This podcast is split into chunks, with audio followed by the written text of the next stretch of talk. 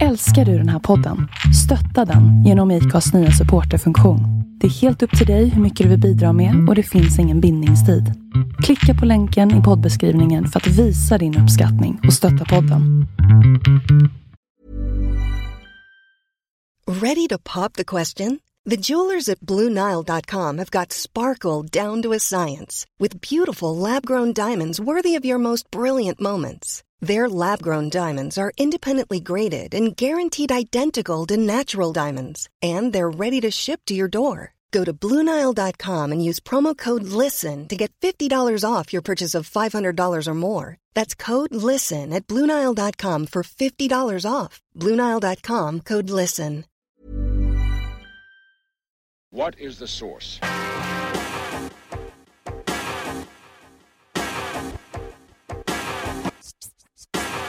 One, two, three, set it!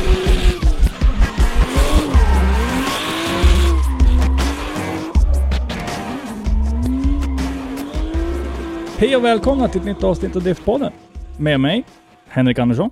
Christer Hägglund. Och Robban Strandberg. Tjena grabbar i Christers vardagsrum. Ja, hej. Ja, Allt bra? hej. Kul att sitta tillsammans och spela Ja, in igen. ja. Det var länge sedan. Det är lite så här det ska vara. Och det här Ja. är väl egentligen första gången vi spelar in tillsammans utan att sitta på ett event. Ja, Om inte, ja, det är väl egentligen ett litet event idag. ja lite. Ja, det är det ju. Det är ju ett litet sånt här eh, slå huvuden ihop, klura lite på lite lösningar event. Ja, Henke ska ju köpa plåtis. Ja. Och det är väl Mm. lite event. ja, det blir det. När vi eh, diskuterar saker i Motorsportmagasinet-chatten så säger jag ibland att man undrar ju om man har kommit till så här Svenska husbilsklubben eller någonting. För det, vi pratar mycket om sånt, men vi har ju det här dilemmat med hur vi hur vi bor på, plockar Robban fram en tidning och sätter sig och läser. Vad heter den? Det, hu, hus, husbil och husvagn. Det var massa, massa sådana bra tips på hur man bygger sin det. Ja. Ja.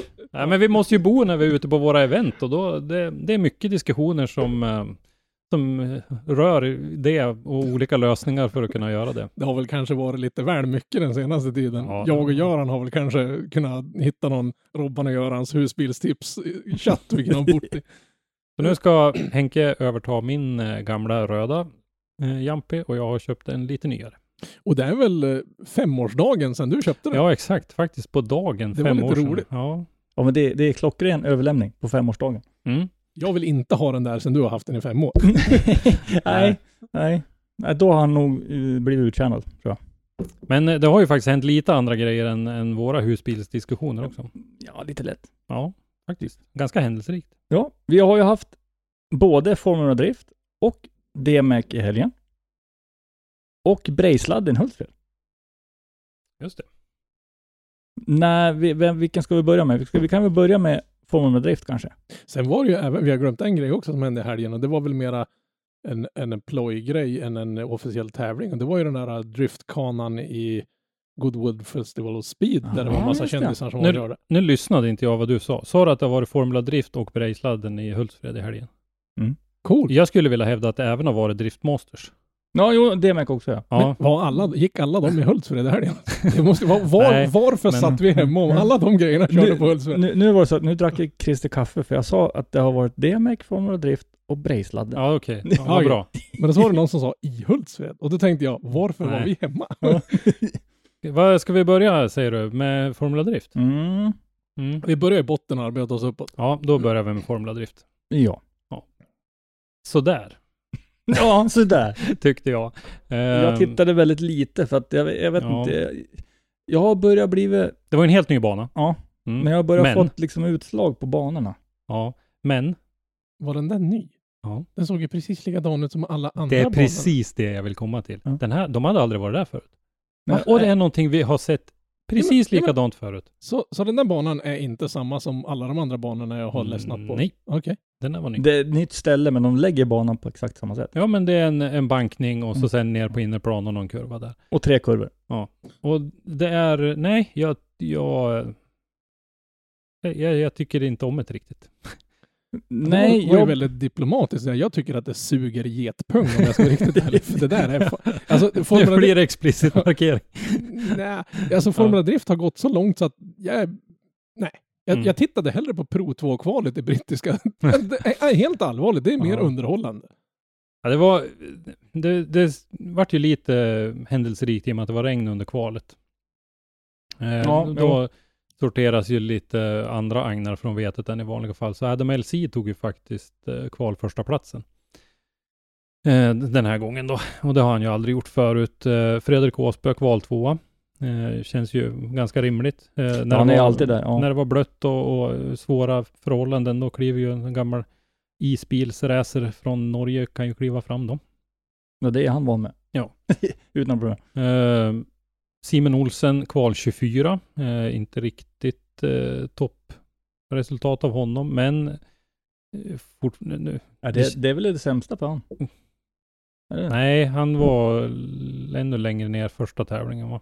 Ja, det Men var han. eh, det känns ju som att han har gjort, han har kvalat in nu två gånger och förra gången ganska bra och så nu så känns det som att nu har vi skruvat upp förväntningarna lite grann. Vi ska Mhm. fortfarande komma ihåg att det är första säsongen i, i Formula Drift för honom. Så att, Och eh, banan var ju helt ny Ja, för dem då, om man säger så.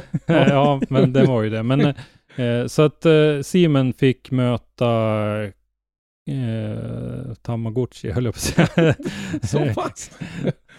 eh, vad heter han? Kazuya? Ja, men det är Tama någonting. Nej, Taguchi. Taguchi. Taguchi. Taguchi, ja. Eh, och så han åkte ut i, i 32an tyvärr då. Men eh, Fredrik fick ju en mer eh, händelserik eh, resa framöver som slutade i semifinal, topp 4, där han mötte Von Gittin Jr. Där, det var en ganska händelserik Mm. grej som eh, det var mycket diskussioner om efteråt, därför att eh, Fredrik krängde av sitt däck i samband med starten, precis i samband med starten. Så slet han av vänster bak.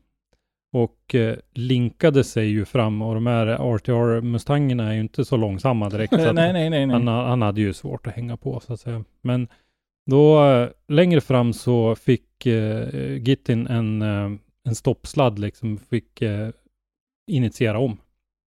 Och då är det ju, det var ju det vi diskuterade senare, vi kommer fram till det sen också med DMEC, att eh, regeln i Formula Drift är ju att om leadbilen nollar, då är repan slut där. Ja, just det. Ja. Så då spelade det ingen roll att Fredrik också rätade upp precis efter. Och Nej, för då var det redan för nollat. då var det redan slut. Racet är redan Ja, över genom och, att någon, eh, någon gör ett fel. Så. Ja, precis. Och vi kan ju komma till det, för det var ju en sak som de diskuterade med, med huvudbedömaren Kevin även i, i, i DMEC, att Mm. de, DMEC har ju infört samma regel nu och det är ju av en säkerhetsorsak. Att om det är så att leadbilen eh, gör någonting så vill man inte tvinga Chase-bilen att fortsätta åka, drifta förbi och därför att- riskera, och riskera att de kör ihop eller sådär, utan då ska Chase-bilen kunna bara släppa av helt och hållet och så Mm. är det. Och Och skillnaden med Formula Drift är väl att där har racebilen kunnat, eller Chase-bilen kunnat drifta förbi med sin trailerdragare också. Det är ju så gott om plats. Alltså Ja, det är autobanbanor liksom. Så, att, men så grejen var ju att eh, Fredrik gick ju vidare till final då där han skulle få köra mot eh, den andra RTR Mustangen då med Chelsea Denofa. Eh, men det där däcket hade ju slagit sönder lite grejer eh, i hjulupphängningen. Så att de fick ju först då jag, jag fattade aldrig det där, därför att det räknades ner två fem minuter och jag tror att de har fem minuter på sig att komma till, till start efter topp fyra, eftersom det är så tajt där i tid mellan battles Mm, så mm. har de fem minuter på sig tror jag. Och sen så fick han dessutom ta sin competition timeout då, sin fem minuter. Men de hann inte byta. Eh, de hade ju ett helt nytt eh, hjulnav med eh, de här Det var alltså Eh, så pass mycket som ja, upphängningarna och grejerna. Som, Då som måste de, ju dragit sönder stav och allting. Ja, Ja, så att de försökte. Eller så var det bara att det var snabbare att byta alltihopa än att byta någon ja, det, ja. Mm. Men eh, så de, de tog ju sin femma då där och eh, då eh, hann de inte få ihop det och eh, så att eh, eh, Chelsea Denofa skulle ju köra sin runda och då kan ju han rulla igenom bara egentligen. Han behöver bara komma till startlinjen och rulla igenom. ja, det blir en byrun ja. Ja, precis. Han fick ju en byrun och eh, när han rullar fram så eh, händer någonting med bilen. Så han begär sin competition timeout. Och då, då säger de liksom bara, men alltså du vet, du behöver ju bara rulla igenom liksom. Mm. Ja, ja, ja. Äh, då hade hans bil klippt när han värmde däck. Och eh, han ville bjuda på show för publiken. Så att då tog de femman, för han hade den kvar. Så då tog han den och kopplade in datorn och kollade vad det var för fel. Mm. Och tydligen så var det ingenting allvarligt. Eh, så att eh, de... Det kan ju vara något värmerelaterat också, för de har väl Ja. inte haft eh, slag nej, det var varmt där borta. Så att eh, då, då kunde han eh, köra och ge på och, och ge lite show till publiken. Ja, det var schysst i alla fall. Ja, så Chelsea Denofa vann ju då och Fredrik var, blev två. Så att eh, det är ju det är ju bra för Fredrik i, i sammandraget. Hur ligger han till där nu då? Ja. Han måste väl ha kommit upp ett Ja. snäpp i alla fall. Men, men det, det var lite, lite grann en sån där st- stolpe ut som det var i finalen på DMEC också då. Ja, det var ju det. Det, det är lite synd när det blir så där och speciellt vi, vi håller ju lite extra på Fredrik naturligtvis eh, som nordbo. Så att eh, eh, men han är, eh, han är trea efter Chelsea Denofa. Men han låg, låg inte han... Det, Fyra det, det, Ja. det ska låta osagt. Har men de, någon- de klev nog upp bägge två. Matt Field leder ju fortfarande 338 poäng och Chelsea Denofa 319 och Fredrik 314. Och sen Odi 299. Odi var ju före dem där förut. Så, och Von Gitten Jr tog något litet skutt upp eh, också då. Det var ju väldigt mycket snack om det, Von Gittin Juniors påkörning på Odi. Eh, Mm. Där de tyckte att det var... Det blev tilldömt att det var Odis fel. Men de tyckte att Von Gittin puttade ut honom. Mm. Var väldiga skriverier Mm. om det. Ja, det här var ju mitt i natten så att jag tittade faktiskt lite grann på förmiddagen efter innan eh, kvalet till eh, DMEC började. Så att eh, det, var, det har ju varit en, en ganska svettig helg för oss faktiskt för att hinna se allt. Det Mm. är faktiskt till och med som man fick en del tråkiga kommentarer hemma om att jaha, du tänkte sitta där och titta på motorsport på tre skärmar samtidigt idag igen. Liksom. Ja. Nej, så att eh, jag vet inte vad vi ska säga mer om Formula Drift. Jag tycker det, det är som sagt... Eh, Ja, men jag, jag tycker det är dags att de börjar shapea upp och eh, utmana förarna med lite, lite värre banor. Men det måste Mm. vara mer tekniskt. Nu är det Mm. liksom bara en transportsträcka. Alltså det, det är så fruktansvärt tråkigt. Det är liksom en, en vänster eller en höger och så blir det en liten vänster och så blir det en höger och så blir det en vänster och sen går de i mål. Jag förstår att det är en utmaning att köra i den bankade kurvan. Ja, ja. ja, Det ja. förstår jag.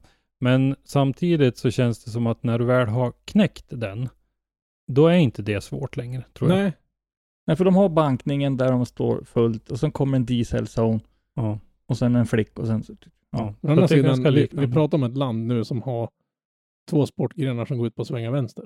Mm. Alltså, Jo. ja, eller två, det är väl säkert en ruskig massa mer som kör ovalbanor, men Mm. de två största gör det. Ja, för du har ju dirt. Ja, men det, alltså det måste ju kunna gå att göra en mer teknisk bana. Det har vi ju sett, de har ju kört på, på för några år sedan så följde drifting-cirkusen med Indycar-cirkusen. Så det var ju liksom en pre-show de körde på, på alla de här Road America Mm, och lite mm. andra sådana här gatbanor. De Mm. var väl körde på, åh vad heter den i Kanada? Jesus, ja skitsamma. Men Toronto där va? Ja, med massa sådana här betongbanor att fara och åka inom. Och de är ju jättesnäva, men då använder de ju fortfarande bara två, tre kurvor. Mm. Vilket är ju jättetråkigt. För, för tar vi nu, om vi nu ändå är inne och liksom eh, visslar lite grann.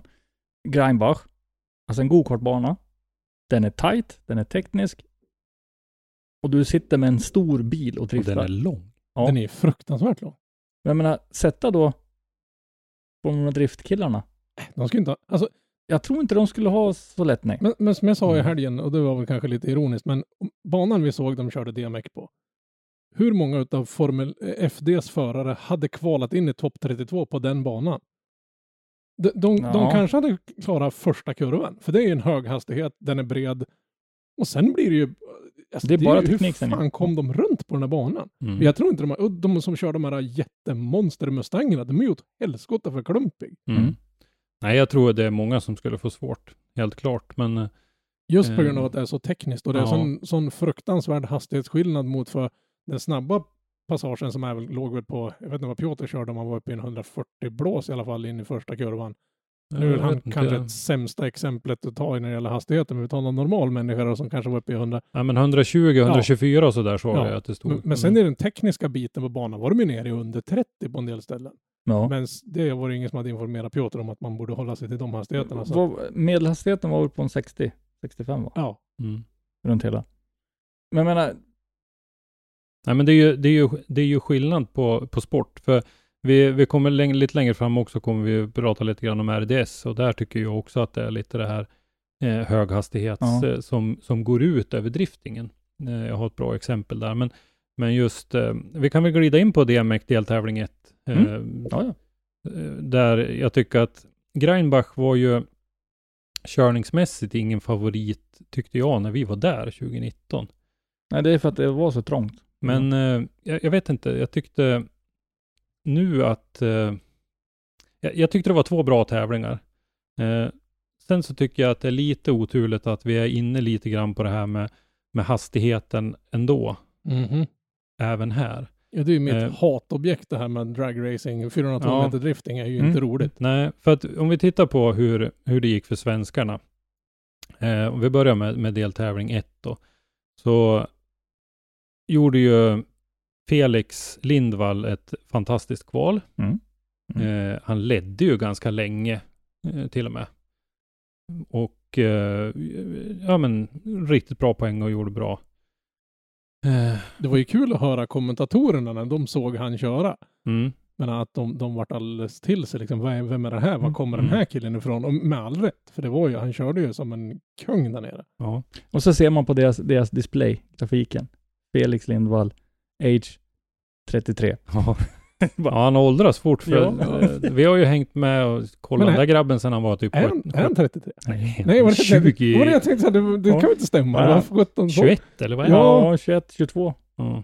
Alltså inte mer än 22. i Får knappt köpa folköl på. Nej, men- precis. Nej, men han slutar ju på en kval nionde plats i alla fall där och, och om man läser upp eh, namnen som var före då var Tor-Arne Kvia, Jack Shanahan, Piotr Wiesek, Adam Zalewski, Benediktas Chirba, Axel François, Oliver Randalou och Connor Shanahan på åttonde precis före. Ja. Och sen har vi Felix och sen har vi Dimitri Iljuk, vi har Marko Sakkuril, eh, vi har lite längre ner Joa Rintanen som har kört i Formula Drift, vi har Pavel Borkowski som spöa eh, Wiesek i eh, Plots för mm. två år sedan. Eh, ja, men vi har några till. Men det är inga duvungar. Nej, inga duvungar. Sen tyckte jag att det var roligt att se Christian Erlandsson eh, i första deltävlingen. Han gjorde två stycken eh, stabila kvalåk. Eh, plockade ihop eh, de val, han gjorde ena delen bra på ena åket och andra delen riktigt bra på andra åket. Hade han fått ihop det där i, i samma åk så hade det blivit en riktigt fin poäng. Mm. Nu hade han, var det 68 och 69 om jag inte minns fel. Men huvudsaken och det roliga var att Christian gjorde två stycken stabila kvalåk tycker jag. Ja, för det har ju varit lite grann, det, det är där han har fått sina stolpar ut. Ja. Ofta. Precis, och det kommer vi till sen att det var ju så lite även den här helgen. Men, men i den här tävlingen så gick det ju bra. För det var ju, det vet ju alla som lyssnar på det här, men det var ju två deltävlingar. En på lördagen och en på söndag. Eh, sen så, apropå stolpe ut då, så hade vi ju eh, eh, bröderna Joensuu. Mm. Eh, där Viktor körde av på sista träningspasset innan kvalet där på lördagen och de hade ju svårt att få ihop bilen så att han fick ju bara ett kvalåk. Och eh, Var det något styrservoproblem som gjorde att han gick av eller vad var? ja, det var ju, han tappade ju styrservon så han åkte ju rätt ut i Katsanden där utanför banan då under sitt enda försök. Och i den farten också. Ja, det var ju där under den där högfartsdelen där, men det verkar ju som det gick ganska bra med bilen i alla fall. Och för Men- när, när man såg på sändningen så såg man att han började initiera driften och sen så, ja men precis, det bara rätt upp. Mm. Gick Precis. rakt ut liksom. Jo, det är nog inte det lättaste i jorden att Nej. ratta en sån där sak när styrservon lägger av. Jag tror att det är stumt. Ja, Mm. ja. Eh, Linus eh, körde sina två åk, men eh, blev inte... Eh, han hade lite för dålig poäng för att gå till elimineringen. Då. Eh, synd för, för de grabbarna. De är ju duktiga och har ju värdeordning på grejerna. Sen utmärker de sig ju alltid på vissa sätt och det är ju det här med att försöka hjälpa till i depån och sådär. Och det såg vi ju även när eh, Jack Shanahan hade problem med sitt eh, Ja, han slet sönder en fälg. Ja, vänster, höger bak. Ja, Höger bak var det. nej, var det inte vänster bak? Var det vänster bak? Ja, det var Ja, ett bakhjul i alla fall. nå- Nej, Så- fram var det Var det fram? Nej. Jo, han hade, Jo, det var fram. han hade lånade fälgen fram i alla Det var ett, det Ja. var ett hjul. Ja, det var vänster fram. Ja. Ja, men i alla fall, då kom ju Viktor och sprang och hade hjulmuttrar med sig och, och eh, vad heter det, en fälg, eller en- ett hjul. Och den här reportern dök på honom direkt liksom och frågade så här, vad, vad är det för problem liksom? Jag har inte en aning, svarade Viktor. Jag bara hörde att de ropade efter julmuttrar Ja. och ett jul, så jag kom och Ja, sprang men- med det jag Men kunde det är få väl tag lite sådär de är. Men, ja, men, men det, en, jo, sak, men absolut är det. en, en sak som jag vill ta fram här.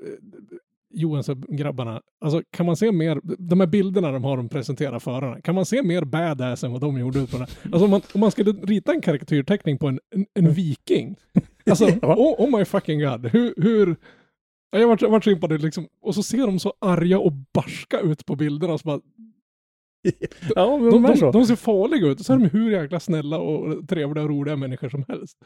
Men de ser verkligen badass ut på bilderna där. Mm.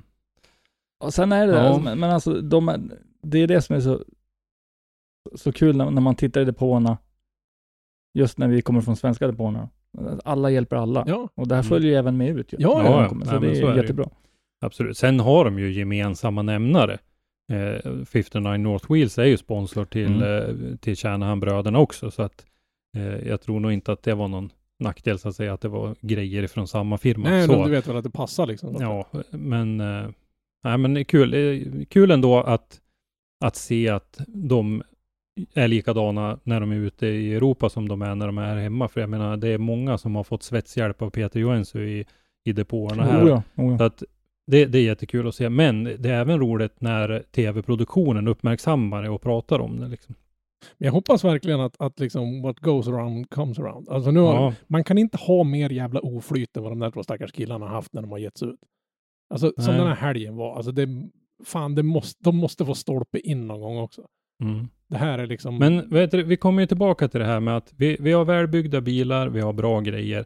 Men sen gäller det, det är hela tiden det här med den här mentala biten också. Mm. Och eh, vi, vi har... Jo, men det är inte så mycket mentalt att styrservon fuckar upp. Alltså, det, Nej. alltså de måste få, någon gång måste Ja, flytet vända Ja, men för precis. dem. För att där, där kan man ju känna lite grann att, eh, som, som jag känner de här grabbarna i alla fall, så eh, att, att Christian Erlandsson har haft lite problem med sina nerver, det har vi pratat om många gånger förut. Eh, han jobbar på det och det verkar som absolut att han har gjort eh, framsteg där. Eh, Viktor, han, han har lite tendens att bli lite övertänd Ja, ibland. han ser taggad ut som fan. Han, han kan bli lite övertänd. Medan man kanske skulle vilja ge lite grann av det där till Linus. För att komma igång lite. De får smitta Mm. varandra lite grann. Ja. Den ena är som en filbunker, den Precis. andra är verkligen en, en bärsärkviking. Liksom. Jag, jag, jag, jag tänker rent spontant, nu vet jag inte hur, hur de här eh, laddar upp inför. Nej. Men Peter lär ha lite svårt i mitten där. Mm. Liksom, om, om du säger att, jag kan bara ta och relatera till mig när jag körde cross. Eh, jag skulle man lugna ner innan race. Mm. Brorsan skulle man sparka upp. Mm. Så att det liksom, Mm. Men samtidigt, det måste ju vara fruktansvärt svårt. Nu står ju de här på den högsta nivån i Europa man kan Mhm. köra. Mm. Det är liksom... Nu, nu, har, nu, nu är det bara för mig, mig jag kan prata. De, de, de är omgivna av sina idoler och förebilder. Alltså det här Ja. är ju liksom, jag menar Piotr Wiesek och grabbarna, det är ju inga noobs de tävlar mot. Och liksom få möjligheten att komma ner dit och köra Mm. mot de här. Klart som fan att man har nerverna på utsidan kroppen. Jo, jo. Alltså det, att de ens klarar av att få igång bilen är för mig helt obegripligt. jag skulle inte klara av att ställa mig på line-upen med dem. Alltså, jag Nej. skulle, jag skulle inte bli förvånad om någon står där vid line-upen, öppnar dörren och viker upp hjälmen och hulkar på backen och sen kör. Alltså, Nej, det, Nej Ja. men så är det ju. det måste ju inte bara vara fjärilar, det är en hel flock med fiskmåsar i magen. Om man står där. Nej men det är ju det och eh, vi, Felix verkade ju vara ganska obekymrad och det får vi ho- hoppas att han får fortsätta att vara. Eh, att han inte känner någon press nu av det här utan det här är ett läroår för, för Felix Ja. och han ska inte känna något, något, eh, något krav på sig. Nej, om man lär ju nästan räkna med i alla fall en, två säsonger innan man Ja. ens kan börja känna att Men det, nu är väl- kan jag ta det är plats. väl liksom. ingen men av de här grabbarna som har fått möjligheten att köra liksom Nej. under Mm. bästa tänkbara förhållanden ett par säsonger i rad. Jag menar, ingen förväntar Nej, sig att man ska... nej, så är det väl inte riktigt. Men eh, tittar vi till exempel på Linus och Viktor så hade de ju säsongen 2017 så, så var de ju ute lite grann. De körde ju Drift GP eh, deltävlingen på Gröndal. Sen så var de ju iväg till Tyskland också och körde Drift GP Just där. Mm. eh, och gjorde bra ifrån sig. Så att eh, de har ju varit ute och känt lite på det här. Drift GP då det sista året där, det var inte så dåligt. Det var ju pytonlaxen som vi kallar honom, Johan, Pöj- Johan Pöytelax och vi hade eh, någon av holländarna, Ja. eh, Bas Mull var med bland annat. Vi hade eh, eh, Nigel Kolfer, ja. eh, Dimitri Iljuk. Eh, så att det var, det var absolut inte en dålig serie. Eh, och eh, de, de presterade bra där. Så de har varit ute och känt på det lite grann förut. Så att jag tror nog att, att Linus och Viktor var rätt medvetna om vad de hade att vänta sig. Sen var de till Riga förra året också. Och sen har du, om, om man då backar tillbaka till materialet, jag menar Linus och Viktor har ju materialet Ja. och eh, grejerna för. Det har väl egentligen hela gänget som Ja, åker. det har det, det. är inte det har ingen det. som åker ner med en surkbil där eller direkt. Nej, nej. Nej, nej, men absolut. Nej, men så att eh, det blev ju i alla fall då eh, eliminering för Felix, där han fick möta Michael Reichert. Michael Reichert sa jag då, vi har ju en, en intern chattgrupp eh, för, för oss i Motorsportmagasinet, där vi naturligtvis diskuterade mycket under tävlingens gång här då. Inte bara plåtisbygge. Nej, inte bara plåtisbö. Det var väldigt mycket om driftingtävlingarna här nu då. Men där sa jag att jag tror att Michael Reichert är en förare som är väldigt svår att möta. Därför att han, han har en bra bil. Han har eh, absolut kunskaper och färdigheter att köra den här bilen. Men han är väldigt ojämn. Han är lite Ja, fladdrig. Han är fladdrig och extremt ojämn. Och han gjorde ju någon, eh, två år sedan när vi var där 2019 ja. ja, ja. då gjorde han ju någon sån där jävla gräsrepa på, på nersidan längst bort så att säga ifrån. Eh, Ja, när han fick med sig tunnan. ja, precis. ja. Vi har ju någon bild på när han kör på en av de där tunnorna. Då var han ju ute och, då var han ju met, många meter ifrån banan. Jaha. Och han har lite den där tendensen att vara lite ojämn sådär. Så att jag, jag sa att det var lite, lite svårt för Felix att möta honom. Och i Felix lead då, i och med att Felix fick börja i lead efter man hade kvalat bra, så gjorde ju Reichert också ett rejält misstag. Och sen så när det blev tvärtom, då blev eh, Felix dömd för en inactive chase.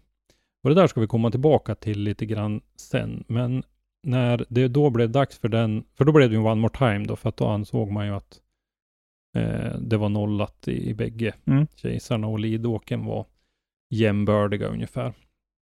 Så då blev det one more time och när Felix rullar fram till starten då så pajar någonting i hans bil så att han kan inte Ja, just det. Ja, då var det. Ja. Mm. Så att eh, det var ju Reichert som gick vidare där då. Eh, Christian Erlandsson körde mot Stavros Grillis och eh, hade ju också eh, lite otur då, för då där jämna fina körningen, den tyckte jag fortsatte, men då stötte han ju i lite grann och krökte ett styrstag, eller Ja, det bröt, verkar ju gått av. ja, bröt ett styrstag, så att det vart ju riktig plogkörning där eh, för honom då. Och som extra salt i Christians sår så körde ju greken då som han mötte motorhaveri. Mhm. Så att han kunde ju sen inte ställa upp i, Åh, i, ja. i nästa battle. Erlandsson hade ju utan problem kunnat byta det styrstaget och ställt upp. Men, men i och med att eh, det var, återigen då, nu är vi tillbaka på det här med att eh, DMEC hade infört den här regeln eh, också. Ja, då blir det ja. Att när leadbilen nollar, då är åket slut. Så när Erlandssons styrstag gick av, då var åket slut. Då spelar det ingen roll att Mm. Grillis fick. Det som händer efter det. Det räknas ja, nej. inte. Hade det varit som det var förra året, då hade de nollat båda två i andra åket. Och Mm. eh, då hade första åkets resultat räknats och då kanske Christian hade gått vidare. Om Ja. inte omfanns i och för sig, men, Mm. men Jag skulle vilja se en klausul på den där regeln Mhm. där, där det står att, ja men så, som i Christians läge, att han spränger sin motor och har inte en chans att komma ut igen. Men det tar ju något längre tid än att fixa ett Ja. styrstag. Att de ändå ska kunna ge chansen till den som förlorar matchen. Ja, man Mm. tycker att, att äh, om, om jag står där med en sprängd motor, så varför- att man kan som förare ha möjligheten att, ja men jag är helt rökt, Ja, men, ja. men du får ta min plats. Mm. Bara för, ja, sportsmanna... Ja, nu blev det ju en, en uh, byrun för Benediktas Chirbar och sen i topp Ja, han, 16 han hade ju inte gillat den där regeln kan jag säga. Nej. Ja, ja, jag, vet inte. De är ju lite sådär att de vill köra om det, så att det, det kanske hade varit okej också, men, men eh, Jag tror att det kan ju öka showdelen. ja. Ja, men så är det, måste ju som sagt vara, det är ju alltid roligare att se vem som är bäst bakom ratten, inte vem som hade snabbast Mest i- hållbarhet. Ja. vem som hade snabbast verktygslåda. Alltså, nej, men som sagt var, det hade varit roligare att se dem få fightas om det. Fast vi har mycket sådana där tekniska stolpe ut-grejer. Tycker jag nu. Men vad heter det, nu när jag läser i resultatlistan här, minns vi fel om Felix? Var det dag två han Vann hade? han, vann han den där eller? Nej men alltså, nu minns vi ju fel, för så här var det ju. Felix Lindvall vann ju faktiskt battlen mot, Fel- mot eh, Michael Reichert. Dag ett nu ja. ja. Dag ett ja. Eh, därför att det var ju då, det var ju Reicherts bil gick sönder. Eh, det, diffen ramlade ju ner på Ja, backen det. Mm. på den. Så så var det ju. Eh, och sen så fick Felix möta Connor Shanahan och det var i battlen mot Connor som Felix bil gick sönder. Ja, så var det. Ja. Ja. Till våran ursäkt så har det ju varit typ eh, 24, Ja, det har varit mycket. ja, det, var, det var det väldigt mycket. Alltså, man, man blir helt dagvill. Jag tror jag har Ja. sett tre olika sportgrenar i, i tre dygn i sträck i helgen. Så min, min fru har ju lite att tillägga om det med motorsport nu. Men Nej men så var det. Så att eh, han, fick, han vann ju den och fick ju, eh, skulle ju få möta Connor då, vilket ju inte är en, en, en lätt match eh, med fungerande bil. Det hade varit jätteroligt att se. Men, Ja, Connor trivs extremt mycket i sin GT86. ja, men vi ska komma till det tänkte jag, det här med hastigheten. Mhm. Därför att eh, vi såg ju flera exempel på att, att våra svenska förare har inte riktigt hastigheten som krävs. De, det finns inte speed. är inte de där hastigheterna? De, Nej. de, de, är, de är ju snabba som attan. Det har man ju sett när vi har varit på typ Mantorp och sådana saker, där det verkligen går fort. Att Jag tror att Men det räcker, det här räcker inte. Nej, nej, nej. Och då, då jämför vi med, med eh, de här grabbarna som till exempel Jack Shanahan och Connor Shanahan och, och de här som ju är duktiga och snabba. Men sen så ser vi när vi börjar komma uppåt i stegen och Mhm. de får möta Piotr Wiesek. Ja, men det, de och då är helt- de lika frånåkt Ja. av Wiesek som vi tycker att Ja, det, det där kan vi faktiskt, vi kan faktiskt dra parallellen hela vägen till Formula Drift. För Formula Drift har ju det här drag race. mm, Ja, Ja, de ska ha 400 km i timmen på första initieringen. Och så kommer vi till DMEC där de har delar utav det. Du får väldigt hög hastighet. Och sen kommer vi ner till Sverige. Där mer- initieringen sker i 50. Ja, men det, är mer, Nej, men, det, det känns som Jo. att i, i Sverige, jo men inte fan är det väl allt för långt ifrån. Nej men det. eh, i, här i Sundsvall så var ju initieringen, i- var det inte 60 Ja, det var väl några som var uppe mot 70? Ja, jo, jag har, tror jag satt GoPros på några. Det var några faktiskt som var uppe i närmare 100 innan de började dundra på innan. Fast då, då, det måste ju varit toppen. Ja, det, ja, det var ju absoluta toppen. De pikade ju någonstans där och sen när det var dags att Mm. dra hem rabben och så de gick in i, i första biten av kurvan runt en, en 60-70. Men Mm. menar, hur, hur länge höll Wiesek? Ja, men alltså, det han, var- han körde ju bra bit förbi första kurvan, var Ja. ju han uppe i tresiffrigt på hastighetsmätaren. Mm. Och, och varför han då fortfarande tjurar på om att köra gas? Har, har våra svenska grabbar gas i sina bilar när de åker ner dit? Nej, Nej. för vi har ju inte det i Sverige. Jag Nej, men inte- även om de ska åka... jag tror, inte, jag tror inte de det- har byggt in det. Nej. För jag menar, där har du ju ett jävla Mm. tapp. Och, men Ja, det är men- klart som fasen man blir frånåkt då. Du har ju liksom... Wiesek använder ju inte gasen heller förrän på slutet. Ja, nej. Men ändå, man såg ju när han gjorde det att det, det Mm. var ju inte så roligt. Det var ingen Nej. som ens hade... Inte Nej, men ens, det är det, det är det jag vill komma tillbaka till. Är det den här driftingen vi vill ha? Därför Nej. att nu kommer det ju att bli likadant. Banan i Riga vet vi hur den brukar Ja, se ja. ut. Det, det kommer ju att se likadant ut där. Där kommer du ju i hög hastighet ut för den här backen. Och det är ännu högre än så. Ja, det är ännu högre. Men ska man inte i lidrepan göra en, en chasebar runda? Ja.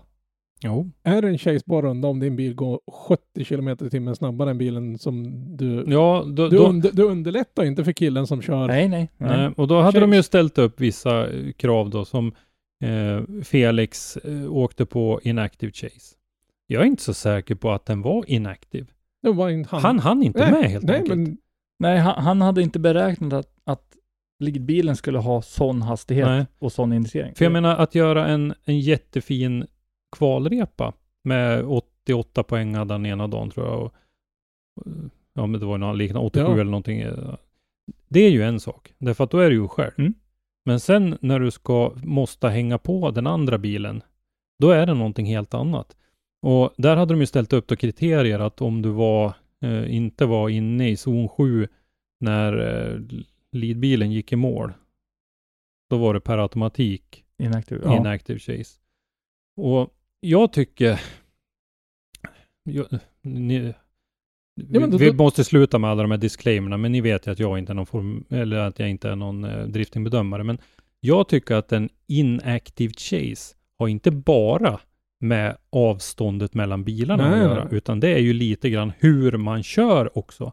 Ja, och har du... om man har någonting att tjäna på en inactive chase. Ja. Alltså om du har en stor fördel ifrån första åket Då vill man inte vill riskera säga- att ligga nära. nej, och vill safea Mm. med att ligga en bit ifrån i andra åket, då tycker jag inte att det är ett visst x antal meter som ska räknas, utan då kan du bli dömd för inactive chase. Ja, Om ni har kört lika bra i första åket och så blir du på efterkälken i andra åket, då tycker inte jag att det är en inactive chase.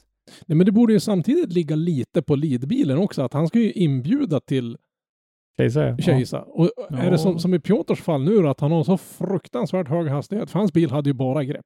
Som, som till Mm. exempel, ja, man såg ju att han hade jättesvårt att köra sakta med sin bil. Mm. Varför sänker man inte som leadbil när man har Piotr i dörren? Varför drar man inte ner farten till under 50 kilometer i timmen i initieringen? Alltså han kommer ju ha sjukt svårt, för han kunde ju inte få sin bil att släppa i farter under 30. Jag menar, då måste han Fast där vet- rakköra hela resten Där har inte vi hela Ja, nej. historien heller, för vi var inte med på förarmötet. Nej, men- Där kan de ju ha sagt att initieringen ska ske Ja. i 110 kilometer i timmen plus, eller någonting. Ja. Det, det vet ju inte vi. Nej, men resten av banan skulle man ju kunna bara tokdumpa ner den bara för att veta att Piotr har jätteproblem att köra sakta med sin bil med det där vansinnesgreppet han hade. Mm. Sen hade vi, om vi tittar på, nu tittar vi på dag två. När Felix körde sin chase. Och han fick ju inactive chase då också. Mm. Eh, då initierar Felix före leadbilen. Mm. Som gör att Felix tappar ju fart väldigt Ja, ja, snabbt. han hamnar ju på efterkälken Ja. redan där. Så redan Den där här får Mikolaj Sakrevski. Och jag vet inte om de har några regler kring det där heller. Ja, den regeln är stenklar. Initiera inte senare än leadbilen. Chase-bilen ska initiera no later than the lead car. Ja. Mm. Mm. Så om det inte är exakt samtidigt så kan han initiera före. Ja. För han får inte initiera efter. Nej, nej, nej. Nej. Ja, eh, och, Men om, om man då initierar och sen väntar leadbilen 100 plus meter att initiera. Ja, är- men då har ju han passerat linjen. Jo, men, men, men i det här fallet skiljer det inte mycket. Men, han- Nej, tillräckligt men det är tillräckligt eftersom att farten kanske Ja, var skrubb, ett problem redan Ja, från början. den skrubbas av så otroligt. Mm. ja. och jag, jag tror att, nu är jag med mina funderingar, men alltså det måste komma från, alltså vi lär ju titta på hur våra förare är vana att köra banorna. Mm. Och banorna i Sverige har ju inte den här ansatsen. Nej. Det är väl inte ens Mantorp som Men har det. vad, vad, vad ska vi göra åt saken då? Vi, vi pratade om det förut när det gällde RDS, vi pratade om det nu när det gäller DMEC, dit våra förare kommer, att någon av våra kommer till RDS kanske inte är så sannolikt, men, men DMEC är de ju med och kör. Vad ska vi göra åt det? Är det här någonting som vi måste ta åt oss i våra svenska mästerskaps? Ja, vi måste bara höja, i, i toppnivån måste vi höja, släppa så att alla får köra gas, vilket de håller på att jobba Ja, på men det håller de på med. Och sen så måste vi ha högre hastighet. För att Men- du ska kunna komma men- ut och, och Ja, men jag- det. som är det roliga med det då, det är ju det att vi, Ja, jag tycker att det är vi som har rätt. Ja, ja. Oh, ja. Ja, jo, ja. Mm. Jag, Jag- ty jag tycker att tar vi Mantorp och, och som Sundsvall var nu senast så börjar de banorna bli för hög hastighet, för lite tekniskt, det är för tråkigt att titta på. Mm. Det är drag racing. Men Det är Sen- inte, sen det är är frågan- time attack ja. drift. Nej, sen, sen är det frågan då, ska vi gå, ska vi så att säga migrera emot Drift Masters? Eller ska vi göra någonting eget? Alltså, Vi, Ja. alltså, det, det som krävs det är att FIA håller på att sy på något globalt reglemente och, och bedömningssätt. Och det är Mm. väl det nästan vi får ha förhoppningarna till. mm. Att det är det som kommer att sätta nivån på så här ska drifting gå till. För nu är det ju tre olika, drifting är tre olika grenar, eller tre olika sporter så att säga. Nu vi har Formula Drift med deras halvbankade tråkbanor som är ungefär som att gå och titta på travet. som Nascar, ja. Alltså det är roligare. Mm. För Formula Drift, alltså jag orkar inte ens titta på det längre. Mm. Det är så jäkla boring, för det är samma om och om igen. Och sen har vi DMEC som nu har gått från att vara ganska tekniskt som det var för några år sedan. Och det var klart, det har ju varit några banor som haft hög fart, till och med Riga till exempel. Ja, som var det inte där, därför Sjödin byggde om sin, eller är det bara någon vild spekulation jag har hört någonstans, att han byggde om, bytte från att åka sin, sin Nissan med, med en 8 i, byggde om till BMW för han hängde inte med i hastigheten. Så han Mm. behövde bygga något snabbare. Och det är väl där vi hamnar risken nu, att vi måste bygga snabbare bilar för de som ska ut i Europa. Sen om det är gas Mm. som är skillnaden, som gör att våra grabbar skulle kunna hänga med i de här hastigheterna, men vart ska de öva i de här hastigheterna? Vi har ju nästan Ja. ingen bana. Du kan ju inte åka på Gröndal i de här farterna. Eller? Men är det, om, om vi, nu ska jag kasta in ett motargument mot oss själva, men om vi tittar på hur eh, inte allt det här ID vi håller på med. IDC, ja men IDC, hur det har sett ut, irländska serien och Mm. Det, det har ju varit parkeringsdrifting ganska Ja. mycket. Mm. Men Connor och Jack och, och framförallt James Dean, Dean har varit ute internationellt Mm. så mycket nu så honom kanske vi inte kan räkna men Fast Men- han ju, han ju, han, när man ser på YouTube, när han är hemma och övar så är det ju en bana som en annan knappt skulle klara av att cykla runt Nej. på. Men Connor och Jack till exempel och vi har ju även sett Dwayne McKeever och sånt där. De har inga problem att anpassa sig till, Nej, till det här. Men har de haft möjligheten att åka på banor och träna i de här farterna? Jag vet inte. Eller har de en helt annan utveckling som gör att de per automatik får en För- högre? för- Men det, det, det lär ju hänga rätt mycket på grepp, för man såg ju några Ja. av bilarna nu i helgen.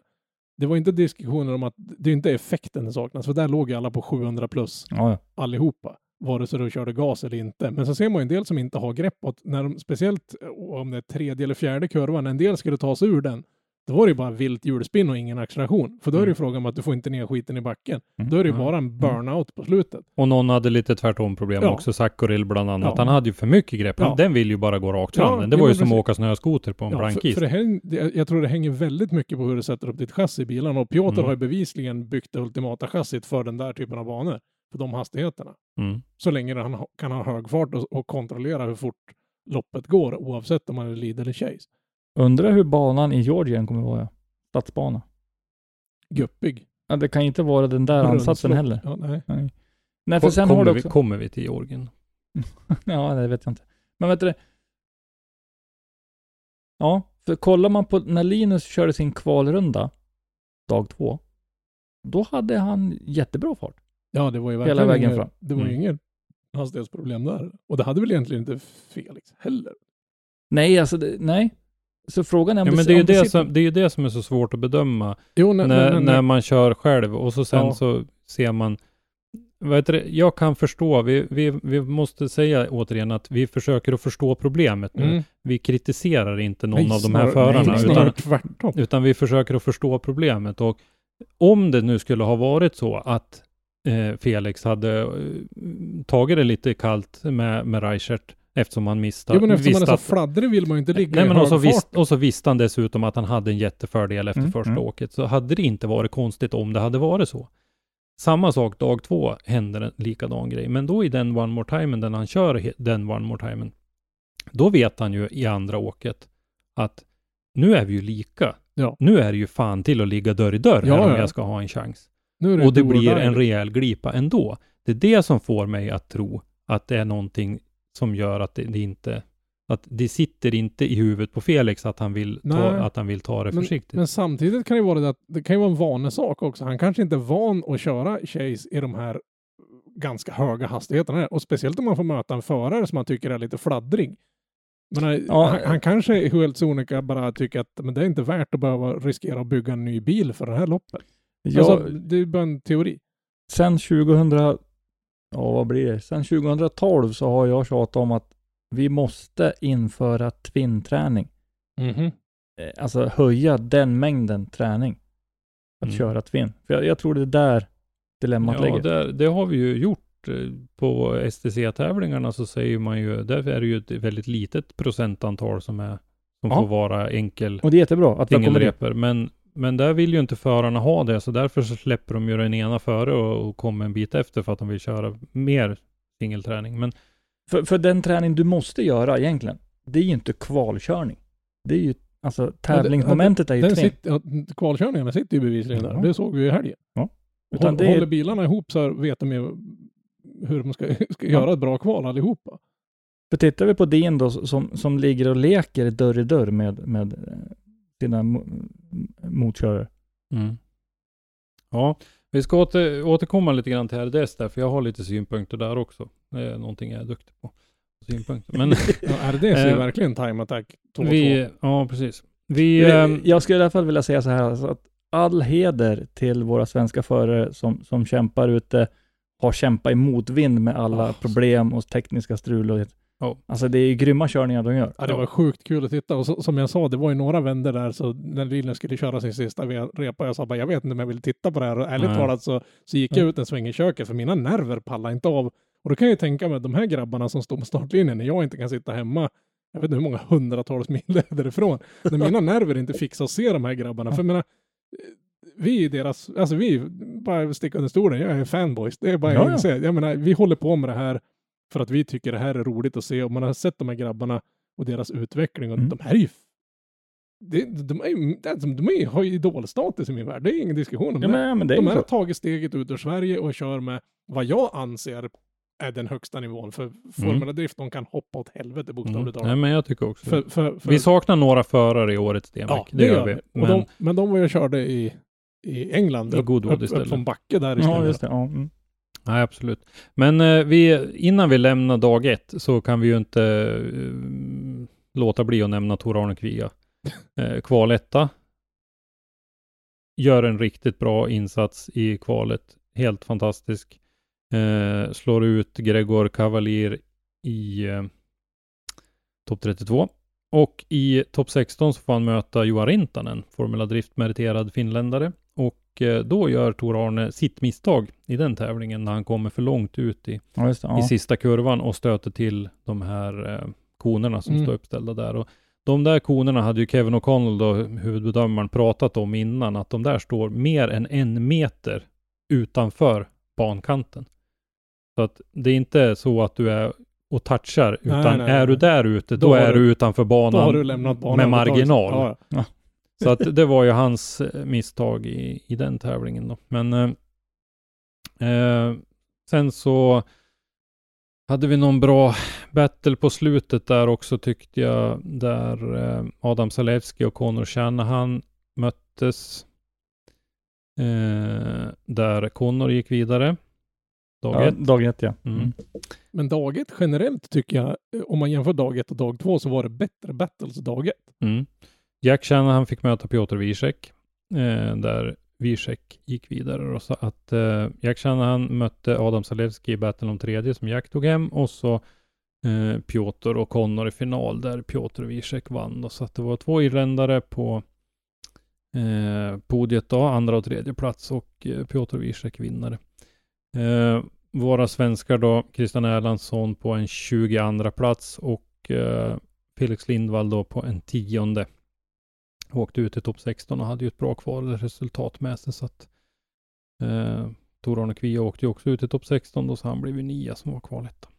Det är ganska schysst ändå att åka ner dit sin första stora tävling och komma tia. Ja men, det, Ja, ja, ja. men det, det, det är, är fan... det är ju ett fantastiskt fint resultat och det är det jag vill påpeka att vi att vi försöker analysera och förstå det här problemet. Det är inte en, absolut inte en kritik mot förarna för att tittar vi i resultatlistan så en 22 plats för, för Christian är också ett, ett bra resultat. Eh, om vi tittar hur, hur det har varit tidigare och sådär. Och, och Och med tanke på startfältet. Ja, men alltså, Ja, liksom men vi, inte- läs, vi läser, helt vi läser från början. Piotr Wiesek, Conor Shanahan, Jack Shanahan, Adam Zalewski, Benediktas Kirba, Axel Francois, Oliver Randall och Joar Rintanen, Tor-Arne Kvia, Felix Lindvall. Det är helt sjukt. Ja, det är, Alltså- det är fan galet alltså.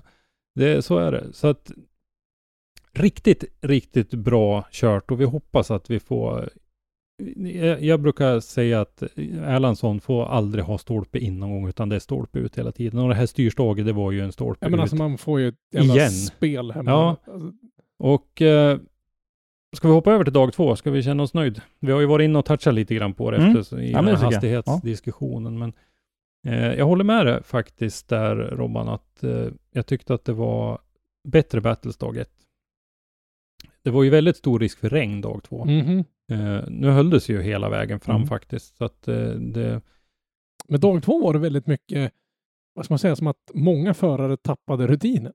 mm. Alltså, det, jag tror att det, det slet ganska hårt Ja, på... men det var ju hur de- varmt som Ja, det var helst väldigt där nere varmt. och det, är liksom, det är ju jättesvårt att hålla skärpan i den här temperaturen och så dag, ja. dag två då, det är en helt ny tävling och du har inte liksom kanske kunnat sova ordentligt under natten och det är Nej, varmt precis. och det är äckligt och bara tungrott i största allmänhet. Och det såg Mm. man ju, många förare hade ju väldiga problem med koncentrationen. Ja. Alltså, jag, jag hävdar att det är koncentrationen som gör att man ena dagen sätter repor så en annan sitter och tappar hakan, andra dagen det ser ut som att men har du varit på en frikörning hela ditt liv? Alltså Men det, en sak som jag reagerar på, det är ju att det är många av förarna som är extremt överviktiga. Ti- Nej men allvarligt, alltså, titta jo. på topp elitidrottsmän, titta på Formel 1-förare, titta Mm. på eh, Indycar som ni följer.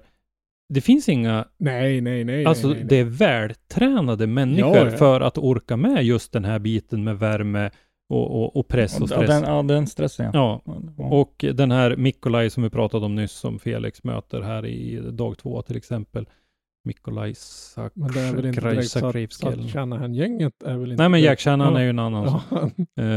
Ja, han, är Ja, det är lite det- ja men det, alltså. det förvånar lite grann. Sen, sen är det ju några som är ganska fitt och en del killar Jo. ser ut som, och det var ju någon polack som han skulle vilja bjuda på middag så fort man ser honom, för han skulle ju behöva äta både två, tre gånger. Är det Zalewski då, eller? ja, nej, ja, nej, Ja. men Nej, men precis. Men eh, dag två i alla fall så fick vi ju med oss eh, båda bröderna Huntunji mm. in i stegen.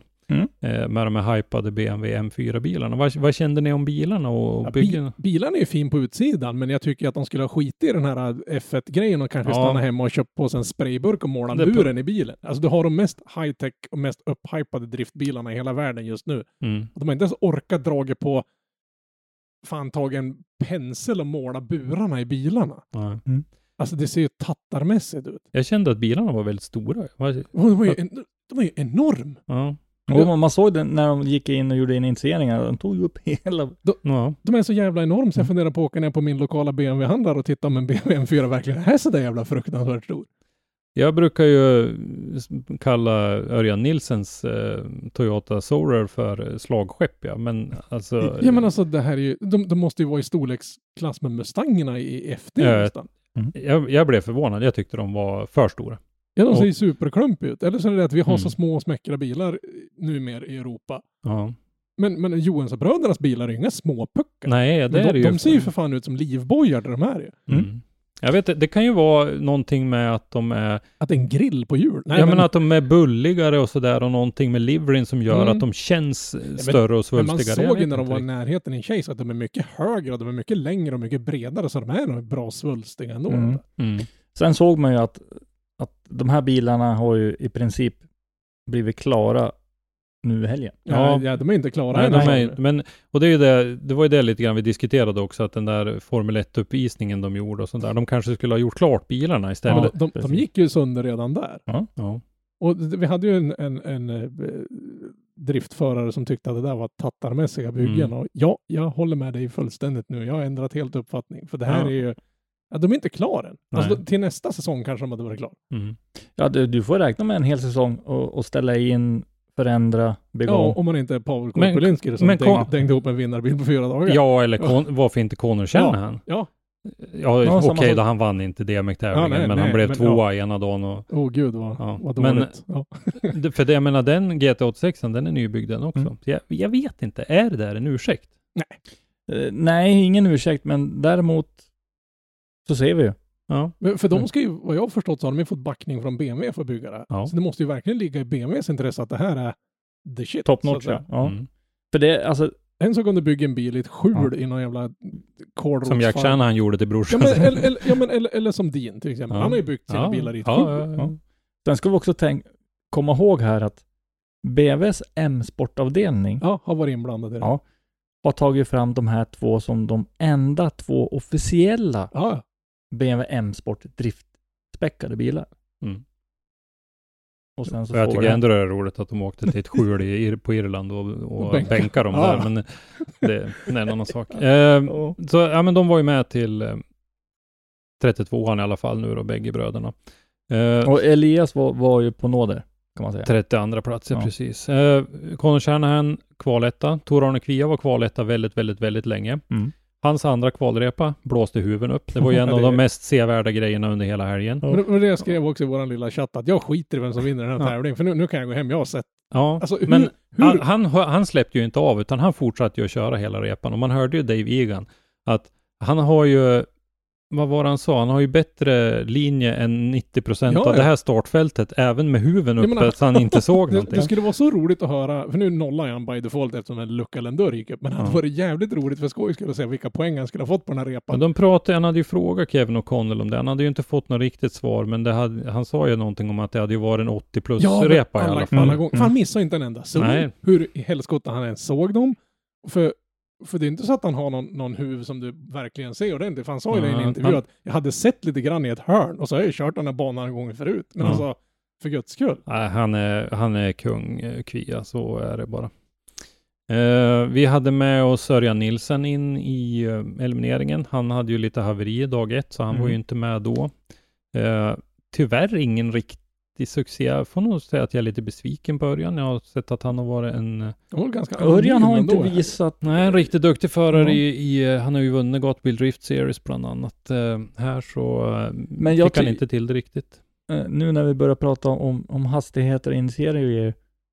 Tittar man på Örjan så var det lite grann samma problem där. Ja, och jag menar, det är ju det. De är ju fostrade i samma Ja, det är samma stuk. Ja, lite SM och, Gotbil Drift Mm. Series kanske, så att det, det, de lider lite grann av samma sak. Eh, men eh, så att han blev utslagen i, topp 32 då. Eh, när det gäller svenskarna så hade vi eh, Felix, återigen fint kvalresultat. Blev eh, Sjua. kval sjua, Mm. precis. Riktigt fint. Eh, vi fick med oss Linus Joensuu in i elimineringen den här gången. Mm, han satte en väldigt fin repa. 27 blev han. Mm. Eh, och så sen då så har vi återigen det här med stolpe ut. Erlandsson på 33 plats. Ja. En Mhm. sketen poäng för lite. Eh, fick väl avbryta sin första kvalrepa, Men han låg ju, vill jag minnas. ja, det var ju bra länge han låg ganska, 32, han låg ju ja, ja. 32 Ja. väldigt, väldigt länge och sen kommer det någon trött mössa på slutet och sätter in en smäck och puttar ner den. Mm. Eh, jag var ute och sprang någon vända där. Jag satt Viktors eh, runder såg jag faktiskt inte. Nej, Viktors runda... eh, Victor, Han körde bara en va? Ja, Mm. och och det har ju strulat för Viktor fruktansvärt den här helgen vad jag förstår. Även Men- för, även för Linus. Det Så är att det jag det, menar, liksom, det, det, det har varit för mycket oflyt för att Ja. det ska vara... och sånt där strul som du inte kan bygga bort. Ja, nej, nej, nej men Det precis. kommer bara Ja, men träning. saker går ju sönder, Ja. det är inget snack om det. Och liksom har du jävlas dag ett så kommer det ju säkert att jävlas dag två Ja, ja. också. För nu, du har ju inte en vecka på dig att fixa problemet här eller? Och det som var, det var ju styrskärm och av. Eh, har jag för mig. Det var dag ett. Men var det inte något servoproblem dag två också? Ja, det är möjligt att det var det. Ja, för det var det, för att, Jag, jag, För- jag, jag, går bara efter vad kommentatorerna Mm. nämnde. ja, nej, men för att när man tittade på, på det så kommer han in, första initiering, initierar och sen så rättar bara bilen upp sig. Och så Mm. ut.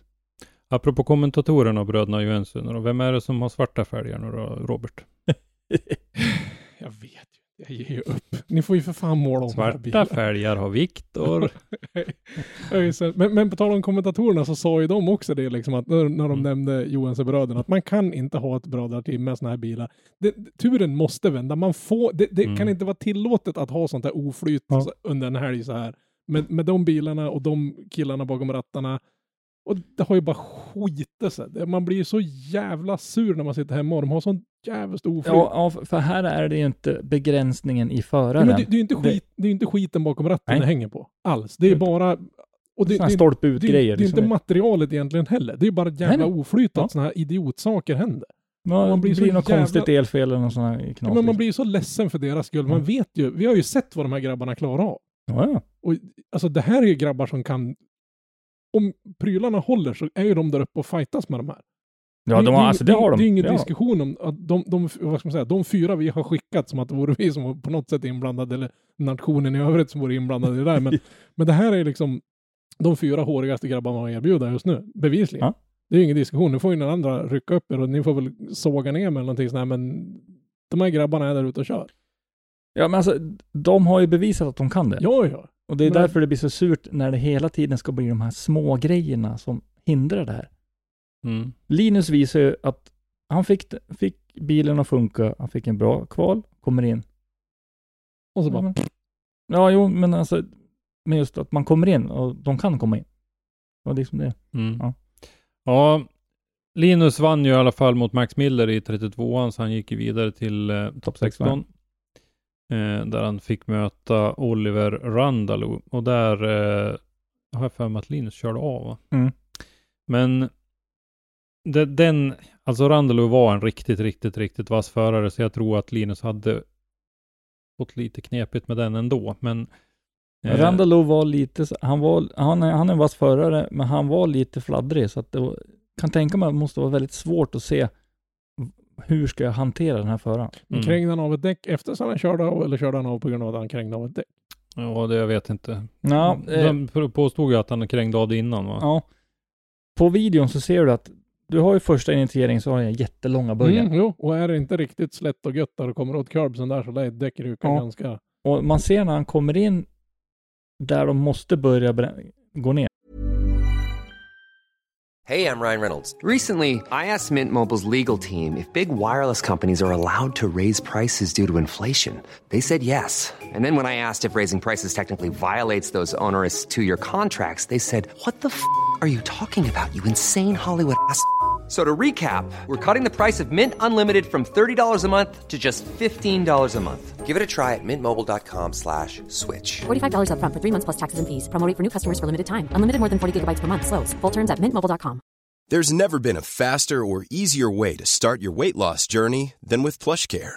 PlushCare accepts most insurance plans and gives you online access to board-certified physicians who can prescribe FDA-approved weight loss medications like Wigovi and Zepbound for those who qualify. Take charge of your health and speak with a board-certified physician about a weight loss plan that's right for you. Get started today at plushcare.com slash weight loss. That's plushcare.com slash weight loss. plushcare.com slash weight loss. Då är däcket av redan. Mm. Mm. Han har ju bara tre däck där. Men kan man alltså... Beadlocks, är det liksom helt uteslutet i drifting? Skruva fast däcket i fälgen så det inte kan kränga av. Jag tror inte man får göra det heller. Men varför skulle du inte ha det för? Att, eh, vad heter det? Vet du hur många däck de ska kränga Jo, på? jo, ja, ja men alltså, ja, men okej, okej, och kanske till, till, men alltså det är rätt mycket som hänger på att ditt däck sitter kvar. Ja, I alla fall om det kommer till eliminering, tävlings... Alltså Ja. delen. Men nu, nu har du gått vidare till topp 32. Mm. Se för fan till att ha någon lösning som får dina däck och inte... I och för sig kör de här grabbarna runt på en nysning. Det är som man ser, det vore fatbike-ägare allihopa. Som bara rapar en gång i bakdäcket. Ja, ja. Det får vara det. Alltså Ja. dels ut av punkan och stå på start. Men- ja, det är ju tiondels. Och det, och det är Bara väl bara för att få lite grepp och hänga med. Mm. Men, men det är så jäkla tråkigt att inte att det ska gått dit så att du ska behöva riskera att kränga av ett däck bara du stöter på en liten ojämnhet för att du ska ha en chans att hänga med i hastigheten. Ja, och jag undrar lite grann, för, för nu när jag tänker tillbaks till när Linus körde, så ser man att hans bil guppar till ungefär mitt emellan den här sträckan. Mm. Antagligen där som däcket, om han kommer åt någon kant någonstans, och det är liksom, han är inte långt ute någonting, utan, Nej, nej, nej. men någon kant i banan då, Mm. som tar med sig däcket. Men, eh, ja. Va, hur ska vi komma till rätta med det där problemet då? Är det... Men, Ja, eller, eller ska vi ha lite grann, ska vi ha, ska vi hålla tävlingarna på större banor? Det här är ju en gokartbana som vi pratar om. Eh, på större banor så att vi, om vi tänker lite Herman Tilke-tanken på Mm. i Formel 1-banor, att vi har asfalt Det utanför. och, ja, eller, ja. eller ska vi införa som i till exempel Formel 1, att du har ett minimum däcktryck du måste komma till startplattan. Så att Mm. du inte riskerar att, för har du för lågt däcktryck, då är det ju lättare att kränga av ett däck. Ja, ja, Så att du ja, har ett minimum, du måste ha så här många bar i ditt däck för att du ska få köra. Alltså någon sån begränsning finns ju inte Nej. idag. Nej. Ja, så länge du Nej, har du luft. får släppa ur så mycket du vågar, men eh, bättre grepp ju mer du släpper ut. Men, Och till en viss nivå. ja, men vad heter det, risken Mm. ökar ju att du kränger av det.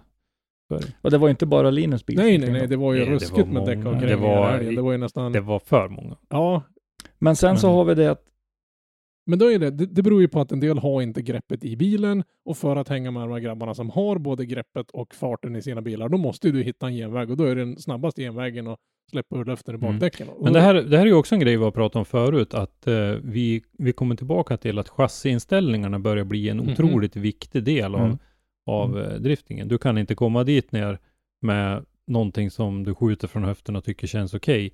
Eh, och så släpper du ut lite luft och tror att du ska ha grepp så du Ja, hänger nej, med. nej, nej, Utan det- här, här är det ju till att jobba. Ja, det, det funkade för några år sedan och, och liksom ignorera chassi-setups. Då var det inte lika väsentligt egentligen. Men nu är, har det ju blivit liksom en, en, en chassisport längre. Förut var det Mm. mycket, ha mycket pulver under Mycket huven. motoreffekt, ja precis. Och nu, nu, har alla, nu har alla det. Mm. Men det, det är bocka på någon random frikörning så hittar du knappt en bil med under 500 plus på drivhjulen. Nej. Och, det, och, det är ju den bilen som hittar bäst chassiinställningar, Ja. det är den som har vassast. Mm. och då har, du, har du då redan från början byggt en bil som är baserad på den gamla teorin med, med, med massa effekt. Och, och nu, Ja. nu kanske du inte har en bakvagn som klarar av att, att få det grepp du behöver. Så man kanske måste börja se om lite där också. Mm. För du såg ju, vi, det var ju Axel François som eh, åkte in i, i eh, depån när han skulle ha en, en One More Time. Och de trodde att han hade eh, pajat växellådan. Men Mm. det visade sig att han hade ju dragit eh, Ja. mellanaxeln som en Ja, den korkskruv. såg ut som en korkskruv. Ja, och, och det säger ju lite grann om att du har mycket motoreffekt, du har bra grepp i bakvagnen. Då är det någonting annat i den där kedjan som... För att inte tala om att den säger att vad han än åkte med för växellåda och bakaxel så måste det vara rätt grejer när Mm. med mellanaxeln ser ut som en polkagris. Alltså det, det, de har sådana krafter nu. Men det, det var Mm. mycket, även mycket växellådsras där nere. Och det Mm. var inte någon som åkte med någon upptrimmad BMW-låda med H-mönster som hade växellås, utan det var ju de som åkte på de riktigt håriga grejerna hade ju helt slut. Ja. ja. Och det, men just det där med däck. Det finns ju ingenting som kan... Ja, du kan ju inte lägga in en regel, får du punka så får vi köra om. Det kan man inte ha. Nej, men vad heter det, en sak som jag funderar på när det gäller DMX, de, de vill inte ha fem minutare för att eh, det drar ner tempot i tv-sändningarna och sånt där. Man bärgar bilar, tar- drar inte ner Nej. tempot också. Ja, men det gör det. Men där, däremot så har de den här två minuters regeln Mhm. Att Mm. bilarna får stå och kallna och de får stå och, och det, det kan jag väl förstå att det behövs. Men, men för mig är ju valet rätt givet att åk runt och ställ upp och kör andra repan på en gång. Och spar de minuterna till om det är någon som Ja. behöver en fem minuter. Ja, för, Därför att det, det blir ju, vi har ju sett ett antal exempel genom åren. Vi, eh, Tor-Arne Kvia hade ju nå, någon, eh, tät, eller någon eh, koppling på en tank som Ja. läckte en gång så han blev utesluten i, inte i Plots utan i det andra stället i Polen för Mm. ett antal år sedan när eh, Conor Shanahan la avgassystemet på backen. Det var en, en klammer som hade tagit en minut att dra dit. Men nej, det får man inte göra. Eh, Pavel hade en, en tryckslang som ja, lossnade. precis. Ja. Som, eh, liksom, Kan- det är såna här jävla skitsaker. Mm. Det är fan i stativet, tänker Det, Ja. det är skitsaker som... eh, Det hade blivit en rättvisare och mycket bättre tävling om någon hade fått tag i de där minuterna. Mm. Istället för att var och en ska ha två minuter och ta sig tillbaka till Ja, men, starten. men då avgörs ju tävlingen på banan, inte Ja, på sån skitsak. och därför Och jag så... menar- tar du bort de här två minuterna så räcker det ju i princip med att två battles, så har du en fem minuter. Ja, och sen är det oftast inte ett problem heller. Nej, Det är ju i... För då vänder, du kör ju bara något annat emellan. Mm. Eh, utan det är ju när du kommer fram till topp fyra möjligen som du kan få stå och vänta på en, en fem minuter. Ja, jo. men- Annars så löser det sig själv. Men sen tror jag att publiken vill ju också hellre se fight på banan och jag tror Ja. inte publiken skulle bry sig om tävlingen pågick en, totalt en halvtimme längre bara för att det är en massa Nej. fem minuter. hit och Nej, dit. så kan det väl vara. Men sen ställer du frågan så här, vill du sitta och vänta i fem minuter? Nej, det är klart att jag inte vill Ja, det. Men, nej. men sen när du börjar att dra de här exemplen och, och liksom att det var inte den bästa föraren som gick till den där Nej, finalen. det var han som hade minst oflyt. Ja, då, då blir det en annan sak. Nej, det, det där är jag lite tveksam till, men eh, jag vet inte. Vi, eh, vi kom ju fram till i alla fall att det hände en väldigt intressant grej i topp fyra när eh, Nej, var det i topp åtta var det? Topp åtta var det. När Conor Shanahan mötte Adam Zalewski. Just det. Ja. Och det blev något fel på det här eh, visningsprogrammet där eh, bedömarna visar vem som har vunnit. Att eh, det var, alltså, jag sa i våran chatt att Conor Shanahan gjorde tävlingens näst bästa chase i den batten. Mm. Problemet var bara att Zalewski gjorde, det. tävlingens Ja. allra bästa chase. Ingen diskussion om att, det. och lidreporna var alltså flawless Jaha, båda ja. två. Helt perfekt. Och därför så kändes det ju när vi tittade som att det vägde ju över för Zalewski. Och så åker de här eh, grejerna som visar på tvn. Mm. En sa ju one more time, Mm. men två stycken åkte mot Shanahan. Och att vi får se fel i, för det var ju någonting som var fel då, för det var ju Zalewski som skulle vinna. Och att någonting eh, går fel så att vi får se fel. Ja, i, det- i, det- i, grafiken. I grafiken i ja. tvn, det kan Det är jag, det kan ja. jag Ja, det- leva det- med. nå- någon kan trycka på en fel Ja, knapp. det alltså kan hända. Men problemet var ju att Connor fick ju det här beskedet också. Ja, det, Och eh, jag skojade ju då och sa att medan de höll på att diskutera om det där var fel, att om det nu är fel, vem vill gå och berätta för Connor Ja, att det har blivit fel? Ja, ja. För att eh, han är ju lite tävlingsmänniska, den Nej. killen. Eh, är- Så, så resten av grabbarna, de är bara där för att de är inget bättre för sig. ja, lite så. Vi ska bara ha Ja, kul. men, så. jag, vi Nej, som men- satt hemma och kikade på, på Red Bull visar ju, på deras webb visar ju de resultaten live också i, en, i ett litet fönster där nere. ja, om det är så. och, och då, det var det jag skrev i våran chatt, liksom. men, men vad fan, hur kunde Mm. han vinna det där? Och, Mm. då, och då hade ju det poppat upp i samma veva de i stort sett Mm. var klar med, med loppet, så Mm. var det redan klart. Och det Ja. var, måste ju vara den informationen som har gått vidare till den som, Mm. som förklarade vem som vann för, för, För- förarna. Där. För det stod ju en, en tjej i jättekorta shorts och hon som, jättekort hon linne. som var den som levde mest farligt under hela helgen för Ja, hon exakt. påkörd efter. Ja. Ja. Hon, eh, hon, hon måste ju ha pekat vinnare på något sätt för förarna. Vi såg aldrig det, för då låg ju den här grafiken över hela tiden. Men eh, på något sätt så fick, gick ju informationen fel då fram Mm. även till den som meddelar förarna. Och det tycker jag, Ja, det ska Det inte får få inte hända. ske. nej det Nej. ska inte få hända. Och, In, inte på den här nivån. Nej. Fi- Fine om du gör det på någon liten lokal tävling i Sverige, men inte på den här nivån. Precis, och jag, jag kan jämföra lite grann med hur det är i STC då, där vi har, för ibland så har ju vi tillgång så vi kan lyssna på radiotrafiken och sådär. Och då säger de, och så kvitteras det, jajamän. Så att Ja, man, Det- man måste ju vara man hundra måste på. dubbelkolla. Ja, ja. Och En viktig sak att komma ihåg här det är att eh, SDC då, då är det radiokommunikationen mellan då starten och tävlingsledningen, medans livestreamen är ju inte alls med i det. nej. Nej, nej, nej. Eh, och där är ju ett problem i Red Bull, att Red Bull går ut live. Ja. Facebook-sändningen som går ut när, när eh, STC kör, den är det ju Mm. alltid 30 sekunder Ja, till en det- minuts ja, men eh, eh, fördröjning. Mm. Så att, men i alla fall, det där var lite oturligt. Eh, Jack Shanahan mötte Benediktas Chirba och då fick ju Jack problem. Så att eh, där gick eh, Chirba vidare. Eh, Max Heidrich mötte ju den som var, vi vi är i topp 8 nu då, dag två här. Max Heidrich, tysken, eh, kom långt och fick möta tävlingens klart stora överraskning, Kristoffer Böhm. Mm. Eh, en lokal förare som dessutom hade lånat sin bil av Mhm. den här Kauderer. Ja, men de skojade och sa det att han kommer nog inte lämna tillbaka den Nej, precis. Nej. Det är rätt hyfsat ändå liksom låna en bil av någon. Jag Mm. vet inte vad han kör i vanliga fall. Nej. Men, ja, men oavsett- hitta rätt på den bilen. ja. Oavsett Mm. kan jag tänka mig om du, om du switchar Johansson-bröderna i varandras Mm. bilar så är det, det är liksom Mm. olika setup och det kan ju Mm. vara stolar som inte... Jag menar, Mm. bara komma dit med en lånad bil är ju helt makalöst att komma så pass Mm. högt upp. Eh, sen hade vi Wiesek som mötte då den här Oliver Randalo som ju kom långt som sagt. Eh, så i topp fyra hade vi Benediktas Chirba och Adam Salewski. Där gick Mm. Chirba vidare.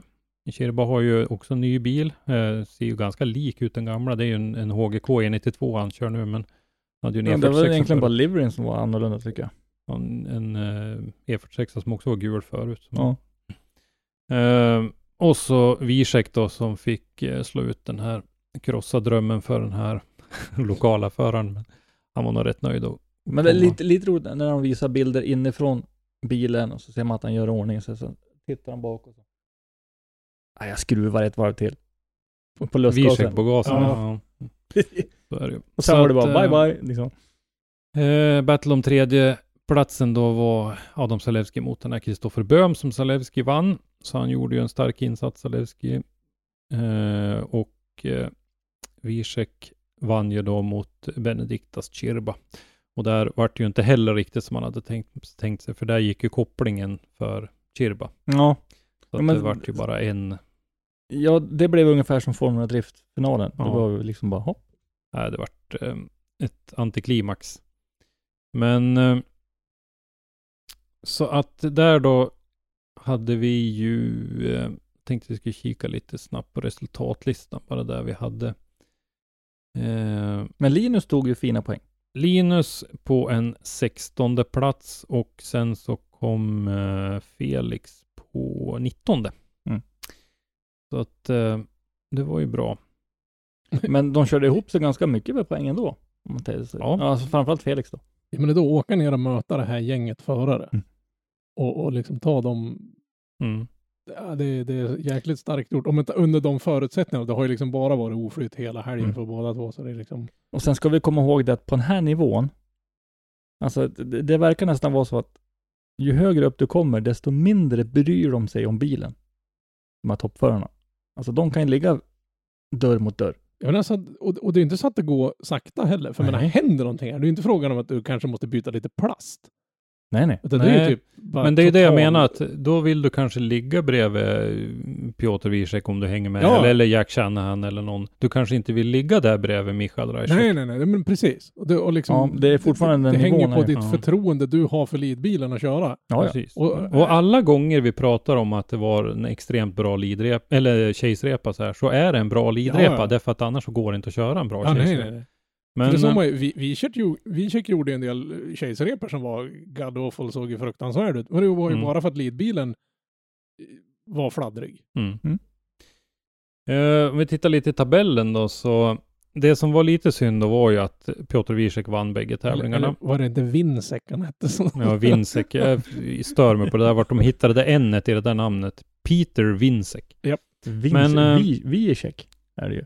106 poäng båda dagarna, 212 totalt. Dessutom så vet vi att eh, Riga är en bana som passar honom. Han har vunnit det förut och så, så att jag tror att det blir eh, tufft att ta det här mästerskapet av honom. Mhm. Conor Shanahan 241, det skiljer ju redan ganska mycket där då, 70 poäng, 71. Ja, med Eh. tanke på att han inte kom så bra två andra. Ja. Han var lite bitter dag två där, för han hade ju Ja. gärna velat Mm. liksom gett han på, natten och visa vad han går för. Eh, Benediktas Chirba är trea, Adam Zalewski fyra, Jack Shanahan femma. Jack var så riktigt sur att han inte kunde fortsätta för att han ville ju fortsätta utmana. Och han fick ju tillstötning av Sherba, ja. Men det tilldömdes ju Jack. Det var Jack för att han, han tappade ju, han hade ju ingen växel. Ja. Han hade ju tappat den. Eh, Men ju- den, den sammanstötningen gjorde ju att Shirbas framhjul hade sönder Jacks bakhjul. Ja. Så att säga. Eller upphängning bak. men eh, det var, det var Jacks fel. Ja. Trettonde plats då har vi Torane Kvia. Som ju inte alls fick ut eh, det han hade möjlighet att få ut av den här helgen. Kval etta ena dagen, kval två andra dagen. Men eh, Och åkte ut i topp 16 ena dagen och 32 andra dagen. en lite intressant sak där på Tor Arne Kvia. Eh, när han i intervjun säger att växellådan uppträdde konstigt. Han la i ettan, han la i femman, han la i lite olika växlar. Bara, gick lådan sönder eller har han en semiautomatisk låda som tappar programmeringen eller vadå? Ja, det kan väl bli ett mekaniskt fel. Det är ju en, en dogbox-låda det där, så det kan ju bli ett mekaniskt fel antar jag, så att den petar i fel växlar också.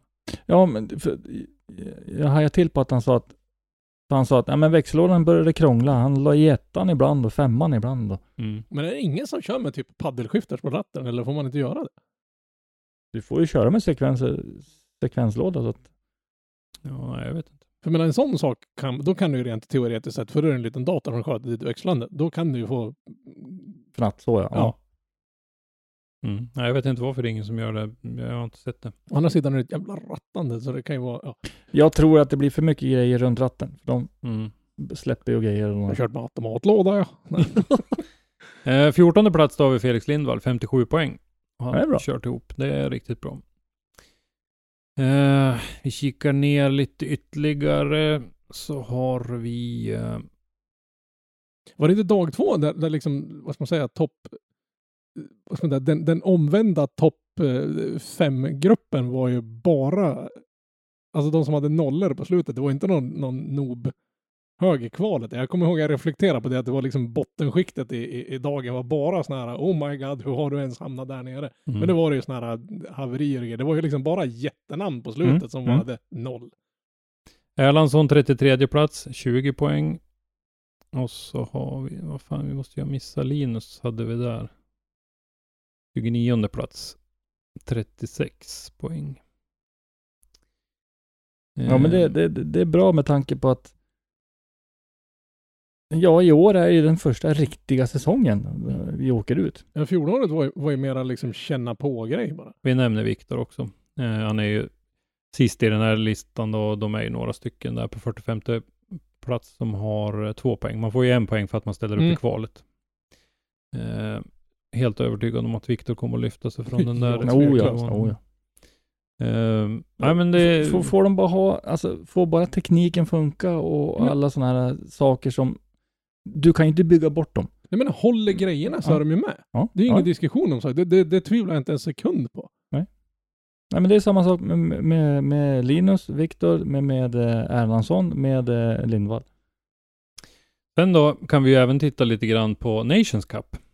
Eh, där har ju Polen dragit iväg då, som två segrar och Adam Zalewski bra placeringar också, 349 poäng. Irland tvåa, ingenting konstigt med det. Men Sverige är faktiskt femma med 111 poäng. Oh. Det är bra. Det är Polen, Irland, Österrike, Litauen, Sverige och efter oss så har vi Tjeckien, Frankrike, Tyskland Men så och Frankrike Estland. hamnar så långt ner. I och för sig har de väl inte någon jättemängd förare, men jag kommer ihåg Ja, att... men den där Axel François var ju med. Ja, jag tänkte säga att det var Mm. väl inte någon... Har de, inga, har de bara Axel med? Nej, det var nog fler också. Mm. Eh, Norge 10. Men... Eh, Det, det är huvudsaken här nu är att vi ligger högre upp än Norge. Sen får det skita. Men vad, vad hände med Örjans bil? Alltså hur... Missade han sin initiering så han kom för långt ut och gled ut helt enkelt? Jag vet inte, han åkte ju av banan i alla fall. Eh, Ja. Ja, det var ju några rediga Per Åkers besök i helgen. Alltså det, Mm. och man såg ju några som var ut så pass... Jag kommer ihåg de bilder, alltså den där stackars drönaren som åkte runt där, den har de ju fått... Alltså, Ja, det kan inte vara att den inte har kraschat flera gånger. Ja. Men det var ju någon som gick av så pass hårt som man såg han gick ut i, i lekakulen eller eh, gruset bredvid. Så att det bara gick en våg med och det går Mm. ju inte sakta när de gav i första böjen. Det är ju en hundrablås. Så jag kan tänka mig att de som satt på läktaren när det varit överöst med alla stenarna lär ju ha ett och annat blåmärke. Man, man såg ju när Örjans bil eh, åkte ut. Jag vet, jag kollade på publikerna som syntes längst ner i hörnet och de kastade sig åt Ja, sidan. ja. Men Mm. den, den där tunnan i innen där, jag hävdar fortfarande att vi ska fylla den med våt sand nästa gång, så kör man bara på den en gång. Mm. För den var ju... Den var de nästan ju så på många. Det var verkligen en touch and go, den tunnan i sig var en touch and go i helgen. Ja, nej. Mm. Ska vi eh, avsluta den här diskussionen om DMEC lite grann med att halka tillbaka till en som vi redan har varit inne på. Det här med Valino-däck. Mm. Eh, det var vi inne och snackade lite om efter frikörningen på Sturup, där vi tyckte att det där märket hade dykt upp lite grann från ingenstans. Så att vi pratade verkligen lite så här om, eh, bara. Tired.se och Mm. det här. Och eh, Piotr Wiesek kör ju faktiskt på Valino. Och bytte det till den här säsongen. Mm. Så att jag vidhåller nog att det är någon, någon, en, en, en ganska stor, det, märket kanske inte är nytt i sig, men att det är en ganska stor satsning på drifting och Europa åtminstone. Det det kan ju vara eh, ett nytt driftingdäck som vill ta sig in på Ja. marknaden. Ja, så, Och- länge de, så länge serien inte gör bort sig och blir en enhetsdäcksgrej. Så, Så det är vi ju på väg till i DMEC. ja, Mm. Mm. och jag, jag hoppas att vi slipper det. Eller kanske, För inte, kanske liksom- inte enhetsdäck, men, men däremot alltså däckreglerna som vi pratade om tidigare i en podd extrema. Det ska vara specifikationer och ja, det var hur Ja, men alltså, när vi hamnat i, i det fallet att du måste ha den här ECUn, du måste köra på de där däcken, du får, Mm. måste ha den här växellådan. Alltså då har vi ju tappat hela grejen med driftingen. Då börjar det bli för, vad ska man säga, inte professionellt, men det, bör, det börjar bli tråkigt. Man Ja. vill se de här varierade Ja, sakerna. jo, Mm. ja, absolut. Det där, det där är ju mer ett- ett Formula Drift-problem. Mm. Därför att där vill de ju styra över de där Jo, bitarna. men, att, men, eh, men hur långt bort ligger vi i... Ja, jag vet inte, men att tittar vi på däcken så vill man ju hävda då att en del förare, en del polska förare har ju kört med däck som inte finns ute på den öppna marknaden. Mhm. Och de har kört med, med däck som har haft så sjuka grepp och, och, och sådär. Det- Det har varit specialdäck. De har kunnat valt gummiblandningar och, och sådär som, eh, som inte finns tillgängliga Det- för det- alla att det- köpa. Nu låter jag lite socialistisk här, men det är fan orättvist. Ja, men eh, precis. Och därför så har man ju börjat med det här att man ska försöka. Sen tror jag inte att det kommer att bli ett däckmärke. Så har det ju inte varit sagt när vi Nej, diskuterat det förut i alla fall, utan det har ju varit ett antal godkända. Men då är ju frågan om, om de här lite mindre märkena, jag vet inte hur stora Secnova till exempel är, som eh, bröderna Johansson kör på. Och då hamnar man ju i det här problemet att om inte Secnova-däcket är godkänt att köra på i DMEC och 59 North och Secnova Sweden är en stor sponsor Mhm. för Drift Brothers Sweden. Då hamnar man i ett problem där. Vad ska de köra på då och hur intresserade är Secnova Sweden av att sponsra det teamet nej, men det- om de, den serien som är deras huvudmål för säsongen inte får, då får de inte använda deras däck. Så det är ju där man hamnar i sådana här problematiska Precis. situationer. Mm. Men också är det att va- varför ska man få köra på ett däck som inte alla kan ha möjligheten att köpa? Sen, om det, sen om det, det är en ekonomisk fråga att inte just du har råd att köra på, på de Mm. däcken för de är mycket, mycket dyrare än vad din budget är. Men du ska inte få köra på däck som inte alla har möjligheten att Nej. köpa. Nej, det tycker jag inte heller. Men, då, då är det ju, men då är det däremot, nästan ett... man kan ju alltså, lösa det. är nästan fusk. Ja, ja men det är det ju. Och det är, det är därför jag förstår att man vill komma åt det här. Men det så kan man ju lösa eh, det problemet genom att, jag, som jag har fattat eller uppfattat det här, så skulle det ju vara ganska dyrt att få ett däck intypat till Mm. det här. Mhm. Och för du skulle få vara- du var ju tvungen att göra en typning av däcket Ja. till DMEC. Okej, Och okej. DMEC Så det bestämde. räcker, det räcker inte med att ha ett R-däck som är som, Nej, som nej. vilken Du skulle alltså göra en ny- köpa, ja. utan Du För skulle, jag fick uppfattningen att de ville tjäna lite pengar Ja. på det här också. Mm. Eh, jag tror det är mycket sånt. Och sen just äh, att få den här... äh, Alltså det blir ju som en ny typ omtypning igen hos DMEC. Så där Mhm. DMEC får styra. mm. ja, men då, då, då, Och det tycker jag är lite onödigt. men då att, skjuter ju de sig lite i foten, för då har du Ja. de här som har en, en, kanske en mindre däcksponsor då, som inte har råd att göra den här, eller Ja, har haft möjligheten precis. att göra det. Och då kanske du tappar en del av startfältet. ja, Precis. på grund av det. Så därför så tycker jag, som ju kan, kan se det här på ett kanske lite förenklat sätt, att eh, okej då, betala 10 000 kronor då för att typa in ett däck. Eh, så, så får, för då kanske även de här mindre leverantörerna också Men har var, då, varför ska du behöva typa in eller typa in det, men alltså för att registrera det som ett godkänt däck.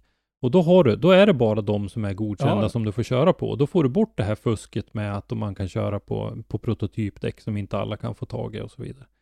Så att man, man är generös med den där listan, men den där listan ska bara innehålla däck som finns att köpa ute i Mm. handeln. Men fall. jag, jag tycker den ska innehålla en, en, vad ska man säga, en grundspec. Att ett däck ska ha de här egenskaperna för att du ska få köra med det.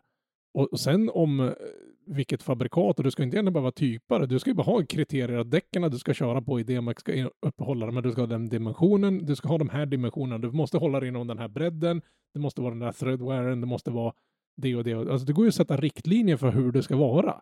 Ja, ja. Som, Ja, som ett reg- däckreglemente helt enkelt, som vi har i andra motorsportsklasser. Mm. Där är öppet från, du kan köra på vilka däck som helst så länge de fyller de här kriterierna. Mm. Jag kommer ihåg när, när folkracen drog igång någon gång på stenåldern när jag var ung, så förbjöd de helt plötsligt att folk fick inte åka runt på, på däck till sådana här Belos-traktorer. För de var mycket billigare och de hade ett helvetiskt grepp. Så jag har kört några vändor på dem, men de är inte gjorda för de farterna. För de är gjorda för ett fordon Ja. som gör 30, men håvette vilket grepp det var i de däcken. Så då åkte man ju skjortan allihopa med någon gammal avdankad rallybil som farsan har haft. Just Ja, för du får ju mer grepp ja. Du hade, menar, du hade ju ett däck som var dubbelt så brett som allas avdubbade gamla vinterdäck från någon Saab V4 hade. Ja, ja. hade jag dubbla bredden bak på mina däck och de var ju gjorda för att köra på grusigt underlag Ja. med en traktor. Sen att de exploderade i farter över 80 km i timmen på grund av att de inte hade stommen som klarade det. Ja, jo, jo, men Men ingen hann ju kapp med i början. Nej. Ja, det där kommer vi att få diskutera mer tror jag med, med däcken i, men det är en potentiell risk i alla fall för de här mindre. och det där Men, ska eh, väl införas till nästa år? Ja, det är tänkt. Eh, men det här med Valino, det ska vi som sagt fortsätta att dra i lite grann. Jag är fortfarande lite nyfiken på det där, så vi ska försöka att eh, dra lite grann mer i det. Men eh, vad säger vi, ska vi känna att vi lämnar DMEC för den här gången eller? Jo, men jag- jag tror nog det. Har, just nu har vi spelat in en timme och drygt 20 minuter och jag tror att en timme av den här 1.20 har varit DMEC så det känns som att det är rätt Mm. klart. Jag hävdar fortfarande att, att helgens grej det var Kvia. Kvia. Det, det var liksom, oh my god. Nu är det nästa vända nu då är ju i Riga och det är ju då 30 till 31 juli, alltså samma helg som eh, nästa omgång i Swedish Drift Championship också går. Och när vi ändå pratar om Hultsfred så kan vi ju gå in på Bresladden. Faktiskt. Ja, det kan vi faktiskt göra och precis i detta nu när eh, du säger det så får jag lite meddelanden från eh, Kevin Brunberg. Jag har ställt Ja. lite frågor till Kevin som vi ska redovisa i en Då kommande kan vi artikel. live lägga intervjun. Vad glad jag är att jag hörde att din dator lät plurung där borta. För då kollade jag ner, är det jag som har ljudet på? Så bara, nej det är det inte, men du har däremot inte slagit på strömmen in i din dator. Så jag batteriet bara är, ligger och tuggar på en procent kvar. Så nu, nu har den ström också. Det är så här Mm. när man sitter hemma hos någon annan och spelar in. Nej, det var ju så att det var eh, Brejsladd på Hultsfred. Mm. Och eh, det var ganska många faktiskt som eh, ställde upp. Jag tror de var var de 24 som kvalade i kvalade jag. och fick poäng. Jag, jag ska helt ärligt säga att jag har jag har inte så mycket som noll koll ens. Nej, men det, har, men det har jag. Och det har jag ju tack vare en, en fantastisk människa. Eh, som vi kan nämna en gång till. Eh, som går från klarhet till klarhet. Caroline Andersson. Hon, eh, jag får be om ursäkt också Karo att jag retades lite med det. Hon eh, skrev till mig att jag har precis kommit hem så jag ska bara käka middag så ska jag skicka dig resultatet, skrev hon till mig. Och, Det är trevligt med sådana initiativ, det tycker jag om. och så sen dagen efter så skrev jag till henne och sa att Hörru du, det där måste ha varit en medeltida kungamiddag med 24 rätter eller någonting om du inte har ätit klart än, för nu är det ett dygn senare. Men då- var hungrig. Nej, men då berättade hon att det hade ju varit strulat till sig lite grann. Och då berättade hon att hon var, hon är ordförande inte bara i Hultsfreds motorklubb, utan hon är eh, ordförande i en annan förening också. Där eh, ungdomar som inte hade någonstans att meka hade blivit, eh, bildat en förening och skaffat ett garage och sådär. Och, Coolt! Ja, men jag ser, vilken fantastisk Var- människa, Mm. vilket engagemang. Varför och vi, fanns inget sånt när en annan var liten? varför fanns ingen Carro? Ja, nej, varför, varför fanns det ingen Carro när jag var Ja. liten? För? Ja. Nej, men eh, jag, jag skrev det till henne att jag tycker att hon är en fantastisk människa med ett otroligt engagemang. Ja, för hur- att eh, det, Och det krävs, det behövs. ja men absolut, och just att skapa sådana tillfällen för ungdomar som vill meka och sådär. Nu hade de väl vuxit ur det där lite grann, många av dem, så att det var kanske inte så många kvar av i, i, just den där verksamheten. Men ändå, det, det var, det är fint tycker jag. Är det något hon inte pysslar med? Eh, Alltså, vi får snart börja en podd om de få saker Carro inte. håller på att mecka med. ja, Det är nog lättare att hitta något än så. Men jag måste säga det, podden som, som Christer spelade in tillsammans med, med Carro för några dagar sedan, den var ju helt makalös. Om ni inte har lyssnat på våran lilla extra podd, så, så stoppa in huvudet och, och lyssna på den, för jag tyckte den var fruktansvärt bra att lyssna på. mm, den var bra. Och vi, Och, vi, och vi en väldigt bra grej vi pratar om. Ja, precis. Vi kan nämna den nu på en gång. Eh, Den här Charity Drift som kommer att köras på Hamrebanan som eh, Karo är en eh, initiativtagaren till och en i, i arrangörsgänget.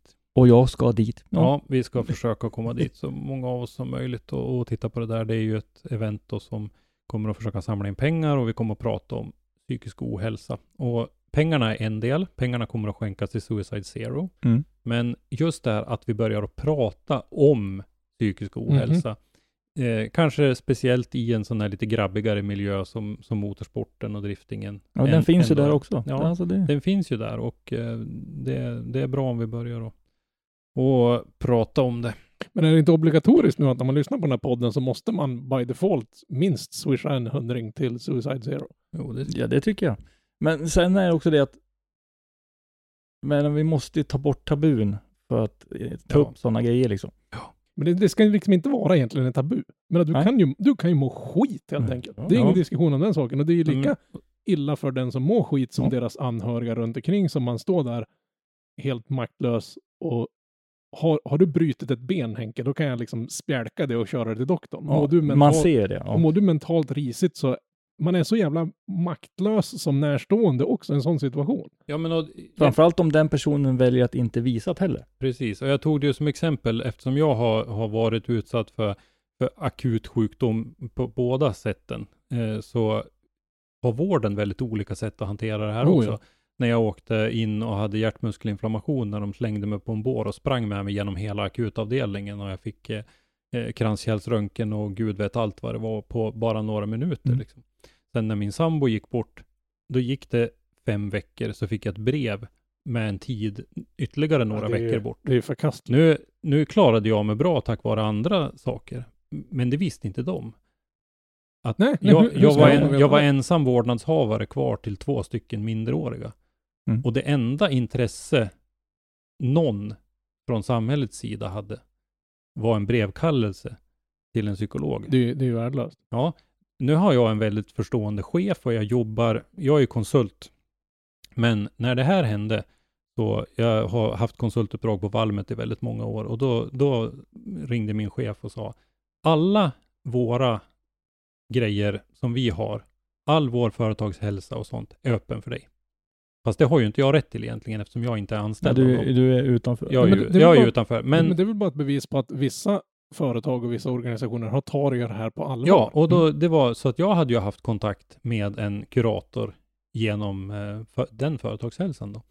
Men eh, i övrigt så hade vården hade ett otroligt stelbent och långsamt sätt att hantera det där.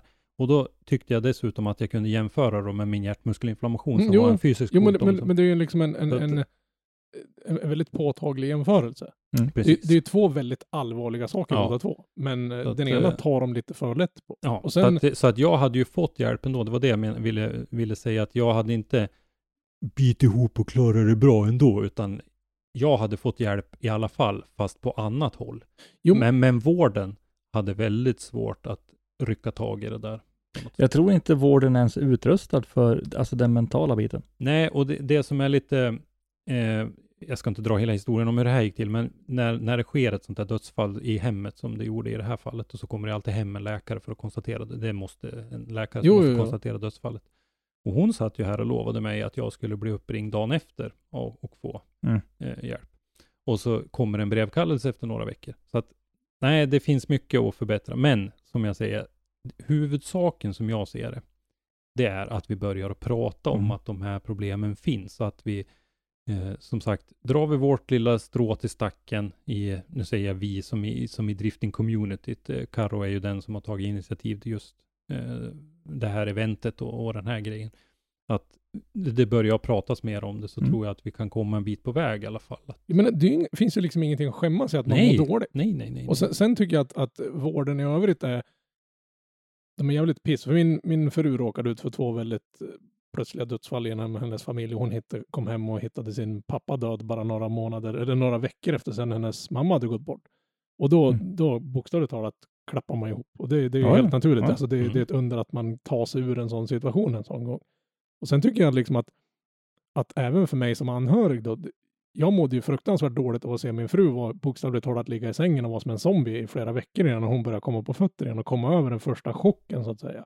Men men det, fanns ju liksom- ingen, ja. det fanns ju ingen hjälp. När jag ringde och pratade med en psykolog och liksom förklarade situationen att jag mådde ju skitdåligt av att hon mådde. Mm. Men det här är den människa jag älskar mest på den här planeten. Mm. Ni, får- ni får ju ursäkta mig, men ni ligger bara två alltså. Men, men alltså, Delad två i alla fall. Ja, ja, det gör ni alltid. Men, men, men liksom att, att jag hade ju också behövt, men jag mådde ju också skit för att Mm. se den här människan, för jag kan ju Mm. inte göra någonting, jag kan inte lyfta henne. Hade hon brutit ben hade jag kunnat bura henne ut i köket om hon behöver hjälp eller någonting sånt där. Mm. Men här mentalt så är man ju så, man är så man vet inte. på, nej, men Ja. jag vet inte, hur ska jag, hur ska jag agera i en sån här situation för att inte jag förvärra hennes situation så att säga? Kan jag Ja. göra något? Och det, jag fick inte heller någon hjälp för att kunna, Nej. i min tur, kunna hjälpa henne. Och just den här grejen som jag antar att många har det här i bakhuvudet att man gärna vill inte liksom säga någonting som i så fall förvärrar. Nej. Men och, och sen, och Och sen när man vet, själv för man vet inte. Och när man själv kommer till den sitsen att man behöver hjälp, då ska man... Alltså det, det är inte fel att gå till en psykolog. Om man tittar på... Nej. När, när, när, jag, när jag var aktiv och tävlade så hade vi en tävlingspsykolog. Mm. Och det var inte för att vi mådde dåligt, utan han försökte ju få oss att liksom hamna i, i, i rätt zon, så Mm. att säga. Men Mm. de gånger man mådde dåligt i övrigt, liksom om någonting hade gått... Mm. Man har, jag fick sparken från mitt, mitt jobb jag hade velat behålla resten av mitt liv, men det gick kack så de sparkade Mm. några. Och det mår man ju mentalt piss av. Ja. Men då visste man att då fanns det en psykolog man kunde prata med. Han hjälpte en liksom att ta sig ur den situationen. Och nu, nu vill jag inte på något sätt överhuvudtaget ens nämna det i, i paritet med, med där folk har gått bort eller folk Nej, som nej, har nej, men att- ta Ja. sitt eget liv. Men, men du kan ju må dåligt på så många olika nivåer. Mhm. Oavsett så Ja, måste fast- man kunna prata om Fast jag det. tycker inte att man ska säga så heller, att det, att det krävs ett dödsfall eller någonting Nej, så. nej, nej, utan nej, det är ju det man är uppe i själv. Och Ja. upplever man Det, det, jobbigt hur, så... hur man själv upplever ja, och situationen då ska man man, befinner sig och då ska man Ja, ta hjälp och för- prata med. För det, det ska inte vara mer tabubelagt att du mår mentalt dåligt än Nej. att du har en spik i foten. Nej, alltså, nej. alltså, ärligt talat, spik i foten, drar ut spiken, har du sätter på ett plåster och hoppas på att du inte får en infektion så går det över på några veckor. Mm. Mentalt dåligt kan vara någonting du, du, du, lider av resten av ditt liv. Ja, Mm. Och, behöver all, och det, det ska man inte behöva skämmas för. Nej. Det är liksom en, en del av ditt liv och jag hoppas att alla som, som mår så här dåligt får den hjälp de, de behöver. Alltså det, är, det är nästan en, en, en, en, alltså det är en grundläggande mänsklig rättighet att du ska få hjälp. Ja. Och sen så är det, alltså svårigheten som, som, som tar oss till exempel. Om vi träffar på någon. Svårigheten för oss är ju att få den personen att inse det. Ja, jag menar inse alltså, att den ska liksom men det, ta... det, fin, det finns ju ingen, ingen vad ska man säga, tabu eller det är ju ingenting att skämmas för. Det är ju Nej, liksom Nej, nej, en- vi måste vända och liksom... All, alla kommer att må dåligt mentalt någon gång. Så jag menar, Ja. om du inte mår dåligt mentalt någon gång, då, då mår du dåligt mentalt. Alltså, då, då har du, då Ja, har du då- ingen koll. då har man stängt koll, av sig. Ja, men då har du Nej, ingen koll på din nej, då, har du- mentala... Nej, precis. Då har, du, då har du inga känslor och då har du Mm. verkligen ett större bekymmer. Mm. Ja, jo. Ja, det varit en liten eh, detour från uh, Hultsfred Brejslad. Men, Men, grymt jobbat och Carro Ja, och all det- heder till eh, magiskt. hela gänget där, uh, Långe Mikael och Ja, ja. ja, ja. De som... eh, Och allvarligt, jag, jag, jag skämtar inte alltså. alltså om, om alla i drifting-Sverige kan, kan swisha en hundring minst till det här. Mm. Så, så menar det, det är ett steg i rätt riktning och kan vi göra någon jäkla nytta med, försöka hjälpa till allihopa så. Mm. Eh, Kevin som sagt eh, har vi pratat med och det är anledningen till det är ju att han vann uh, Brejsladstävlingen då till slut. Eh, och eh, Han har ju varit med uppe länge. mm, jag frågade lite grann eh, om eh, ja, hur känslan var efter Sundsvall. Han hade det gick ganska bra för honom i Mm. Sundsvall, men samtidigt så hände det en del grejer. Det Mm. vart lite grann med bilen och så vidare. Så eh, han säger att eh, känslan var bra. Han, huvudfokusen när de åkte till eh, Hultsfred Summer Meet var ju att testa bilen då egentligen efter att de montera nya prylar efter det som gick sönder uppe i Sundsvall. Och väldigt bra läge att träna inför. Precis. Det är lite som att åka och fuska lite tycker jag. Jaha. eh, nej, men då, bil, bilen funkar bra i alla fall, så då hade han beslutat sig för att vara med då, i Brejsladden. Så då hade de kvalat in och sådär. Och till slut så vart det ju så i finalen då att eh, Kevin fick möta Daniel Ahlstedt som är Kevins spotter i STC. eh, Ja, så han fick, inbördes grejer där. han fick ju möta en kille som har rätt bra koll på när Ja, han jag kör. tänkte säga det. Ja. Snacka om ett mentalt övertag redan där. Så att eh, då var det ju så att eh, de körde riktigt jämnt så att det blev en one more time och eh, då överkörde eh, Ahlstedt lite grann, hans egna ord i sociala medier. Eh, Övertaggade. Lite övertaggad så att eh, då gick segern till Kevin då. Men det kan man ju på något sätt förstå. Om ditt jobb är att vara spotter åt den här killen Mm. och du vet alla hans svagheter. Då, då vet man, fan jag har, jag har det här. Det, det är ju väldigt lätt att, Och sen är det att och, överila sig då. ja, och sen är det att om man satsar den där lilla, lilla procenten över, så går den in så blir det ju Ja, klockrent. ja men precis. Du måste ju satsa. Ja. Det, det är ingen diskussion om det. Det hade varit väldigt kul att se den. Ja, Kevin skojar lite grann i, i svaret här och säger att eh, möta mina egna spotter var riktigt roligt. Han har ju lärt mig hur jag ska köra på Hultsfred och det fick han äta upp. Så att, eh, Ja, ja. det Det var var en bra comeback. Han, han är en för bra spotter helt enkelt. Ja. Så jag frågar, nu då, blir du farlig nu då på eh, SM-tävlingen också? Och eh, det tror han. Eh, så länge bilen går bra så, så ska det kunna, han kan ju den här banan bra och, och eh, Och Han är ju, Han kör han för är att vinna. väldigt duktig också. ja, Det är- är otroligt duktig. Han kör för att vinna, det är Ja, ing, han, ingen är, snack om han är ju inte med bara för att det är roligt. Nej, nej. Så grattis till Kevin och eh, kul att se Daniel Ahlstedt. Eh, vi kan väl skicka en liten passning till Daniel också att den där bilen och du är lite för bra för att hålla på och jolla på med sånt där så att det är dags att kliva in i tävlingsoverallen igen. Ja, Mm. helt klart. Eh, Kevin får helt olika, eller så får de se till att och, och kvala så pass olika så de kan vara spotter åt varandra. Det blir jobbigt om de måste mötas. ja. Men det, Jo, men det, Ja. det märkte vi redan på RM 2018, när det var så jämnt. Då Mm. var ju Ahlstedt med. mm. 17 och 18. Ja. Och körde så jättebra. Så. Sen så skulle det renoveras kök och Alla de där grejerna. Det är mycket renovera kök, skaffa barn, mm. renovera hus. Ja, jävlar vad barn det har blivit under det här covid-året i Men vad driftingkretsar. fan ska Alltså. de annars hitta på? De har ju varit hemma alldeles för mycket, Ja. man märker ju det. Alltså barn kan ni skaffa sen. Driftingfolk har alldeles för dålig fantasi. Ja. Det är liksom endera skruva eller så... Ja. Ja. Eller screw. ja. Eh, Ja, fel betydelse på screw ja. Ja, ja, det är precis. skruven grabbar. Eh, Men de är i alla fall inte ute och slåss. Nej, Så, som är så, så, som min, min pappa hör, så, sa ibland när man hörde någon, när vi bodde, när jag växte upp så hade vi ett par ett par latinamerikanska grannar som tyckte väldigt mycket om varandra. Så, så redan vid unga barnsben visste man vad det där ljudet betydde. Så de sa min pappa alltid, ja ja, men de håller i alla fall inte på att slåss. nej. Make love, not war. Ja, alltså, ja, det, verk, det, verkligen. Det kanske är någon hippie-era. Hela drifting-community kanske är en avdankad Ja, kanske. hippiesekt. Eh, jag hade en grej till eh, i manuset som du inte ser nu Henrik, men eh, det var ju RDS Ja, just det. i. Sankt Petersburg. Mer dragracing. Cool. Ja, där är det ju verkligen höghastighetsdrifting. Det har vi ju pratat om flera gånger förut. Och eh, Är din arm för kort tänker jag? Ja, den är... den, här, den här gången tyckte jag det var ju lite intressant. Jag såg ju faktiskt inte tävlingen. Jag har ju inte betalat in mig på att se de där RDS-tävlingarna. Det känns inte riktigt med som rysk det är värt kommentering och, Ja, och sådär. men precis, med rysk- Men eh, man ser ju lite grann på Deans vlogg i alla fall som jag följer. Och den har jag tittat på. Därför att jag tyckte ju dels så har jag ju avslöjat förut att jag är lite Formel 1-intresserad och eh, Rysslands GP kommer ju att flyttas från Sochi till den här banan i Sankt Petersburg Mm. 2023. Mm. Så att det var ju lite intressant att se själva anläggningen och sådär. Men sen så var det ju en grej jag fastnade för när det gällde körningen också. Och det var i, jag tror att det var i topp 8, eh, där James Dean fick möta Grigori Gusev. Och där jämför jag Grigori Gusevs eh, linje med eh, när grabbarna i snowroller eh, ska åka och, och lä lägga lite Lä- snygga lä- åttor. Ja, precis. Ja. Eh, n- när de är, kommer och kör ner och förstör bilderna för dem med Felix Oppenheim. Men i alla fall, för att Gregori Gusevs linje, den var ungefär som de åttorna de lägger i backen då. Han var, han var med 90 graders fasförskjutning fel om man säger, om man tittar. Mm. Mm. Han var längst in där man skulle vara längst ut Ja, ja. och det var, och hans, han var stressad av, som, som jag tolkade eller som jag analyserade, så var han stressad av att Dean var så pass snabb. Så att han satsade så hårt så att han kom helt fel in i linjen. Han, och, han, han tappar linjen liksom. ja, och det såg bara ut som toka.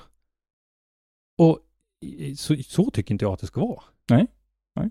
Eh, sen var det ju andra eh, gånger det såg bättre ut då. Så att, eh, För här har ju Dean såklart då liksom Allt. anpassat sig och ja, höjt sin fart och han har höjt allting. Han har Ja, allt grepp i hela världen och lite till. Han har ju bytt, eller byggt den här bilen för att vara snabb. Mm. Eh, på, Ja, för frågan är om man Verkligen. hade klarat sig lika bra med, med BMWn här. Ja, tveksamt. Eh, han, eh, Bluss kör ju med en, en HGK-bil då givetvis. Jo, men, men- den, men men den- den, är den ju kan helt- extremt lättad. Ja, men den kan ju vara, ha en helt annan setup Ja, än vad, och än vad den den var, har. ja, precis.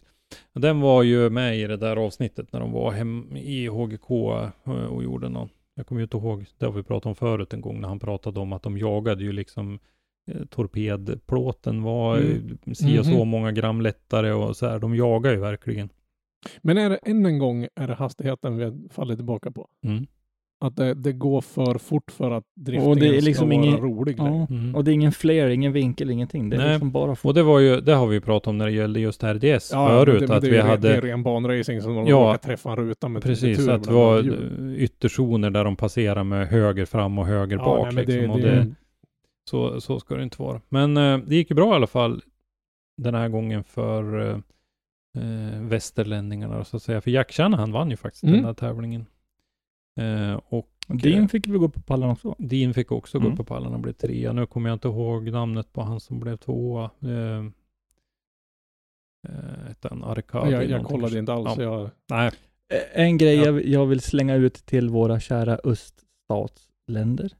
Varför ska ni ha så förbenat svåra namn att skriva? alltså man får ju sitta trippelkolla de men, men det är lätt när man ska skriva det så släpper man bara snusdosan på tangentbordet här nere i vänstra hörnet där det är en massa X, Z Ja. och så, så brukar det lösas ändå. Ja, typ. Det är ju så.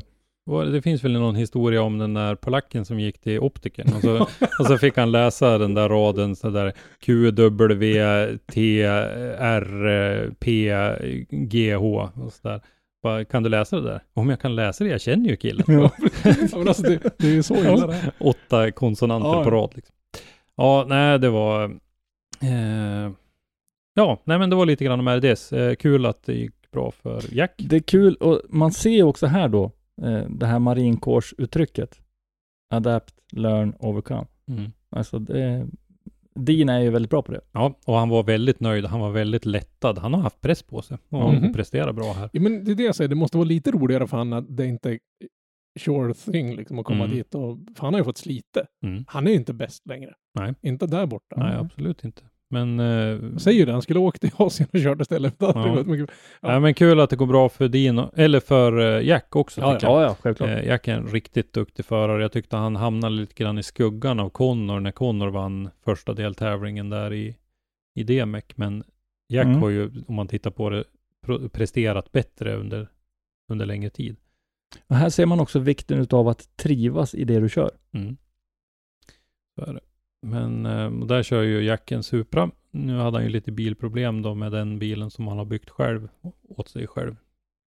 Eh, I DMEC-fallet då. Mm, I, mm. Där borta i, i Ryssland så har han ju ett team som sköter om bilen åt sig till skillnad från James då, för han har ju med sig sin mekaniker och, och sådär. Det måste vara ett litet halvglassigt jobb. Mm. Förutsatt att man inte behöver jobba dygnet runt varje helg för någon har kört sönder och sådär. Ja, motorbyten. ja, ja. Ja. Eh, Jag tänkte bara på Formula Drift Erie. Mm. Ja. ja, ungefär så tänkte jag. Det heter så. Irländska serien alltså. Nej. Orten heter Erie, Pennsylvania i USA. Just Det är orten där vi var. Det Och, och, du, och du ska sitta och köra massa bil hem efter Pennsylvania heter ju Pennsylvania därför att det var familjen Penn som ägde det från början. Och det är inte Sean Penn och hans familj utan det var någon äldre. Nej, det var någon äldre variant. Men Sean Mm. Penn kanske är en avlägsen släkting. väldigt, väldigt skeptisk just det. ja. Eh, ja, nej jag ska vara tyst om Formula Drift. Vad är det mer som har hänt i helgen då? Hela den här Goodwood-grejen. För det, Ja, där var är ju det me- bara det, det var ju uppvisning. mest bara en uppvisningsgrej som, som såklart Dean vann också då. Men Good- eh, det var, vadå, tävlar de ändå eller vadå? Ja, de har ju en, en driftkana-grej som är mer du, du ska ju, Mhm. de har ju satt upp längs banan har de ju satt upp en, en det finns några stora, vad ska man säga, korsningar på den här backen upp de kör. Och där har de ställt upp ett gäng tunnor med sensorer, så det är två sådana zoner de ska in och, och sladda runt, göra några snygga åttor där och försöka komma så nära som möjligt. Och sen ska de köra en, en speed trap upp. De ska ta sig till en viss punkt i banan inom en viss tid. Så att Ja, just som är ja. snabbast upp dit får de poängen. Sen går de upp i, i, mot slutet. De passerar startmålområdet, eller målområdet, och så ska de, har de en liten transportbit. Och då är tidszonen över och det är mest bara för att de inte ska ligga och köra i 200-300 km i timmen på Mm. ett område som är en transportsträcka. Och då kommer de upp mot slutet där uppe vid parkeringen är. Och där har de en wallride som du kan få visst många poäng för. Sen ska du göra en liten donut in i en liten parkeringsbox. Och det gäller att parkera med nosen så nära som möjligt väggen. Så du Ah, ska ju okej. sladda in där den 360 grader, ja det blir väl 180 förhoppningsvis, in där i den här P-rutan. Och den som kommer närmast med, med nosen i det främre plastblocket. För det är liksom så här stora, om du tänker dig Sundsvallsmurarna fast de är gjorda i, i, i tomma Mm, plastbarriärer så att säga. Och där var ju din bara typ 3-4 centimeter ifrån. Så det var ju, det var ingen diskussion om vem som vann den där. Och sen kommer, jag vet, Bagsy. ja Bagsy, så var det, Mm, Bagsy. mm. Jag tänkte att han har någon smeknamn som jag för Mm. mitt liv inte kan komma ihåg. I, men han, han och då, då stod de och intervjuade, Becky stod och intervjuade Dean där under tiden. Om hur tror du det går här nu? Åh, nu kommer Bagsy upp, så nu är det bäst vi flyttar på oss tyckte han. Han bara plöjde igenom, det var bara sopor av allting där uppe. Och sen, alltså det är ju mer en showtävling, det är ju ingen Ja, diskussion. mm. Och de, ärligt talat, de här grabbarna sket ju fullständigt i vem det var som vann. Ja, det var en kul grej. Ja, det är en jättekul grej och det är väl mera som en underhållningsgrej för, för publiken att kunna få se det där. Som det är alla typer av motorsporter Ja. ska ju vara representerade där. Undrar om, om James Dean och Becky hade eh, trevligt på kvällen. Men det var ju lite roligt att stå där när Becky skulle vara kommentator till det här liksom, och så Dean kom upp och, och liksom var ledande ett tag Mm. där då. Så man, man hörde ju hon försökte vara så opartisk som möjligt när hon skulle kommentera de andras resa Alltså, jag, såg, jag såg på Instagram en bild då med Becky och James Dean i kostym. Ja. Men hon förklarade också när hon, när hon kommenterade det här att hon kommer ju att satsa järnet på den här säsongen nu och försöka kvala in och bli så pass duktig så hon kan vara med och köra i deras motsvarighet till, till RM nästan. är väl hennes mål att göra den här. De skulle tydligen spela in någon ny tv-serie med henne och där var hennes mål att hon ska bygga sin egen bil som jag uppfattar det. Sen lär hon ju få en hel del hjälp för det finns väl rätt mycket Men kunskap. hon har ju redan gjort en sån. Jo, men de ska ja. bygga en, en, en, ny, en ny ja. bil. De ska utveckla den här bilen och sen ska hon ut, bli bättre som förare så att säga då. För att kunna, kunna köra på, på lite bättre nivå. Och jäkla tjusigt. Det var en sån här bankett eller Ja, sånt där. Ja. Nej, men så det vore lite, lite småkul att följa det. Ja, men, Ja, men det, det blir gång- lite grann samma stuk som de hade. Ja. Eh, där de byggde en Nissan 200. Ja. Men det är väl en Red Bull-serie också? Ja, ja, men precis. Mm. Så de ska försöka lyfta den vidare till det hela. Till själva tävlingsdelen. Ja. Precis. Mm. Och någon gång måste vi ju unisont hela, hela motorsportmagasinet släppa våra håriga arslen över till England och, och åka på Goodwood Festival och speedway. det var ju det där vi diskuterade, att jag fattar ju inte grejen med det där. Det är ju allmänhetens fria åkning liksom. Ja, fast det är ju saker och ting du aldrig kommer att få se någon annanstans. De hade några bilar där det, finns klubbar i Stockholm nere i källare också där det finns saker som Ja, jag jo. aldrig kom... Men nu, nu, nu vill inte jag uppleva de grejerna. nej, nej, säger ju det. Men, men, men, men här är det ju liksom, de, de kör ju med allting ifrån den första bilen, hade de ju med där uppe till, och nu, nu var det ju Lotus ska ju köra sin sista bränsledrivna bil, nu är det ju bara elbilar. Så alla fnös ju på och tyckte bara, ja, hur kul kan det bli? Tills de fick se den här prototypen som rastade det mesta. Och de har ju även tävlingsmoment i den där. De har ju den här så kallade hillclimben, där de har shootout-sprinten där de kör med i stort sett vad du vill. Och där var ju bland annat eh, Travis Pastrana med och tävlade med sin Subaru. Och alla trodde ju, och han hade ju första hundra meterna var det ju ingen diskussion om vem som var snabbast där. Eller. Men då vann ju någon i någon sån här, jag tror det var Volkswagens, eh, någon, någon Le Mans liknande prototypbil de har som har det officiella rekordet upp där. Och det, Mm. där, i den klassen kör ju folk med Formel 1-bil från, från 60-talet upp till, till de absolut state of the art-bilarna. Och de kör ju Mm. lite olika klasser, men det är jättekul att se på den där banan. Där finns det ju inga avåkningszoner. Vi pratar ju höbalar som är ett par meter breda eller den där flintstensväggen som ser ut som ett rivjärn som de passerar i hundra någonting blås. Men Och med eh, den bomben. Ja, med den bomben så vill Robban säga någonting om eh, att vi ska... gå med i era klubbar och vara funktionärer. Väl, vi får väl korta ner det här lite Mm. mer, men för guds skull bli funktionärer. Om ni inte är aktivt tävlande, och även om ni är aktivt tävlande så har ni ledig helg från driftingbanorna så finns det ju andra motorsporter som behöver hjälp. Med Ja. track day event och Mm. grejer. Och, så bli funktionärer. Printa ut dokumentet, anmäl er till era lokala klubbar bli funktionärer. Och för guds skull, följ oss. Ja. Följ Motorsportmagasinet. Förfölj oss, Ja. tänkte jag säga. Men Ja men gör inte det. stalka oss ordentligt Nej, hårt. nej. På Instagram, på Facebook. Eh, vi, har, vi har YouTube. Där You, vi, you face. Ja. YouFace. Där vi har alltså då videomagasinet eh, det kommer ut. Vi har en fin webbsida vi sliter med. Där vi har mycket Ja, artiklar. Den, den har det blivit en hel del slit med nu faktiskt. Mm. Det finns ju en del artiklar där. Jag det, måste säga att det jag är är, my, mycket mer än drifting. jag, jag måste säga att jag är lite imponerad för våra, när vi drog igång det här lilla projektet Motorsportsmagasinet så hade jag något personligt mål om att vi skulle uppnå x antal artiklar inom årsskiftet. Och det har jag, kan, kan ju lugnt påstå att jag tog i lite underkant så det har vi passerat med, med rätt råge redan månad två. Så, här, så vi har lite... Ja, det blir ju så när vi breddar ifrån driftingen så finns det ju några till grenar men, att det, skriva men det finns ju så mycket mer att, att ta. Ja. Så att. Ja. Och sen är vi ju ett ganska vad ska man säga, varierat gäng som har fler intressen än, än bara drifting. Men, men som sagt var, det, är du det tillbaka som... på de där klubbarna i Stockholm? Ja, ja, men precis. Nej, eller du tänkte andra ja. Men, Röd plysch och röd LED. Mm. och, precis. Nej, men, men det är så roligt när vi, och nu har vi fått in lite mer folk i våran gäng som inte bara är driftingfolk heller, men Mm. det som är liksom den röda tråden är ju liksom att vi gillar drifting allihop.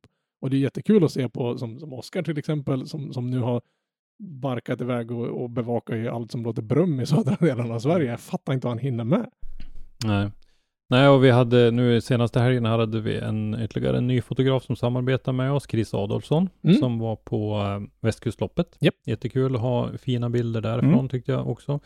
Eh, Porsche Carrera Cup och Porsche Sprint eh, Challenge och lite, det kommer mera därifrån också eh, under veckan här. Nu det är, är, det, är det måndag idag?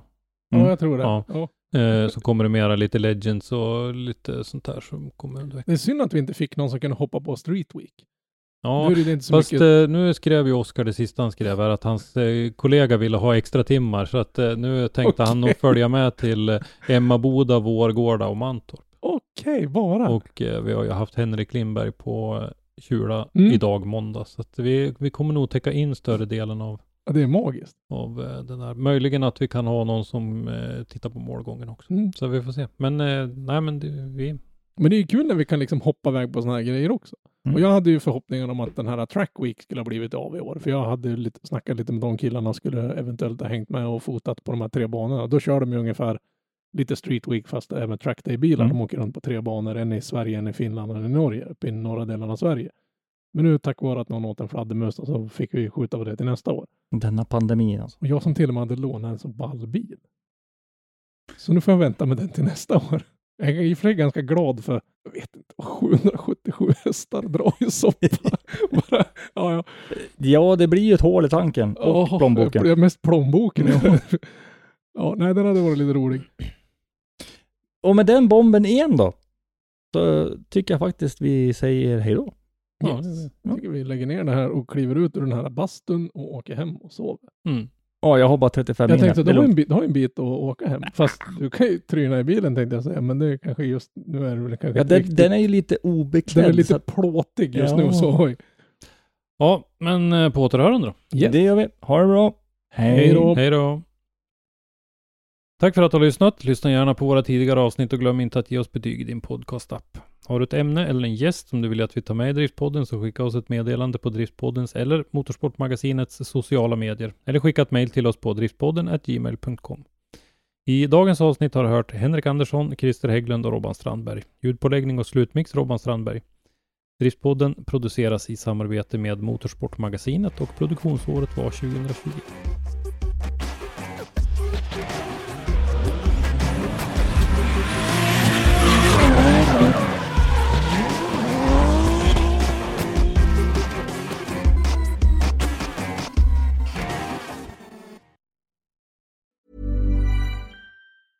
Mom deserves the best, and there's no better place to shop for Mother's Day than Whole Foods Market. They're your destination for unbeatable savings, from premium gifts to show-stopping flowers and irresistible desserts. Start by saving 33% with Prime on all body care and candles. Then get a 15-stem bunch of tulips for just $9.99 each with Prime. Round out Mom's menu with festive rosé, irresistible berry chantilly cake, and more special treats. Come celebrate Mother's Day at Whole Foods Market.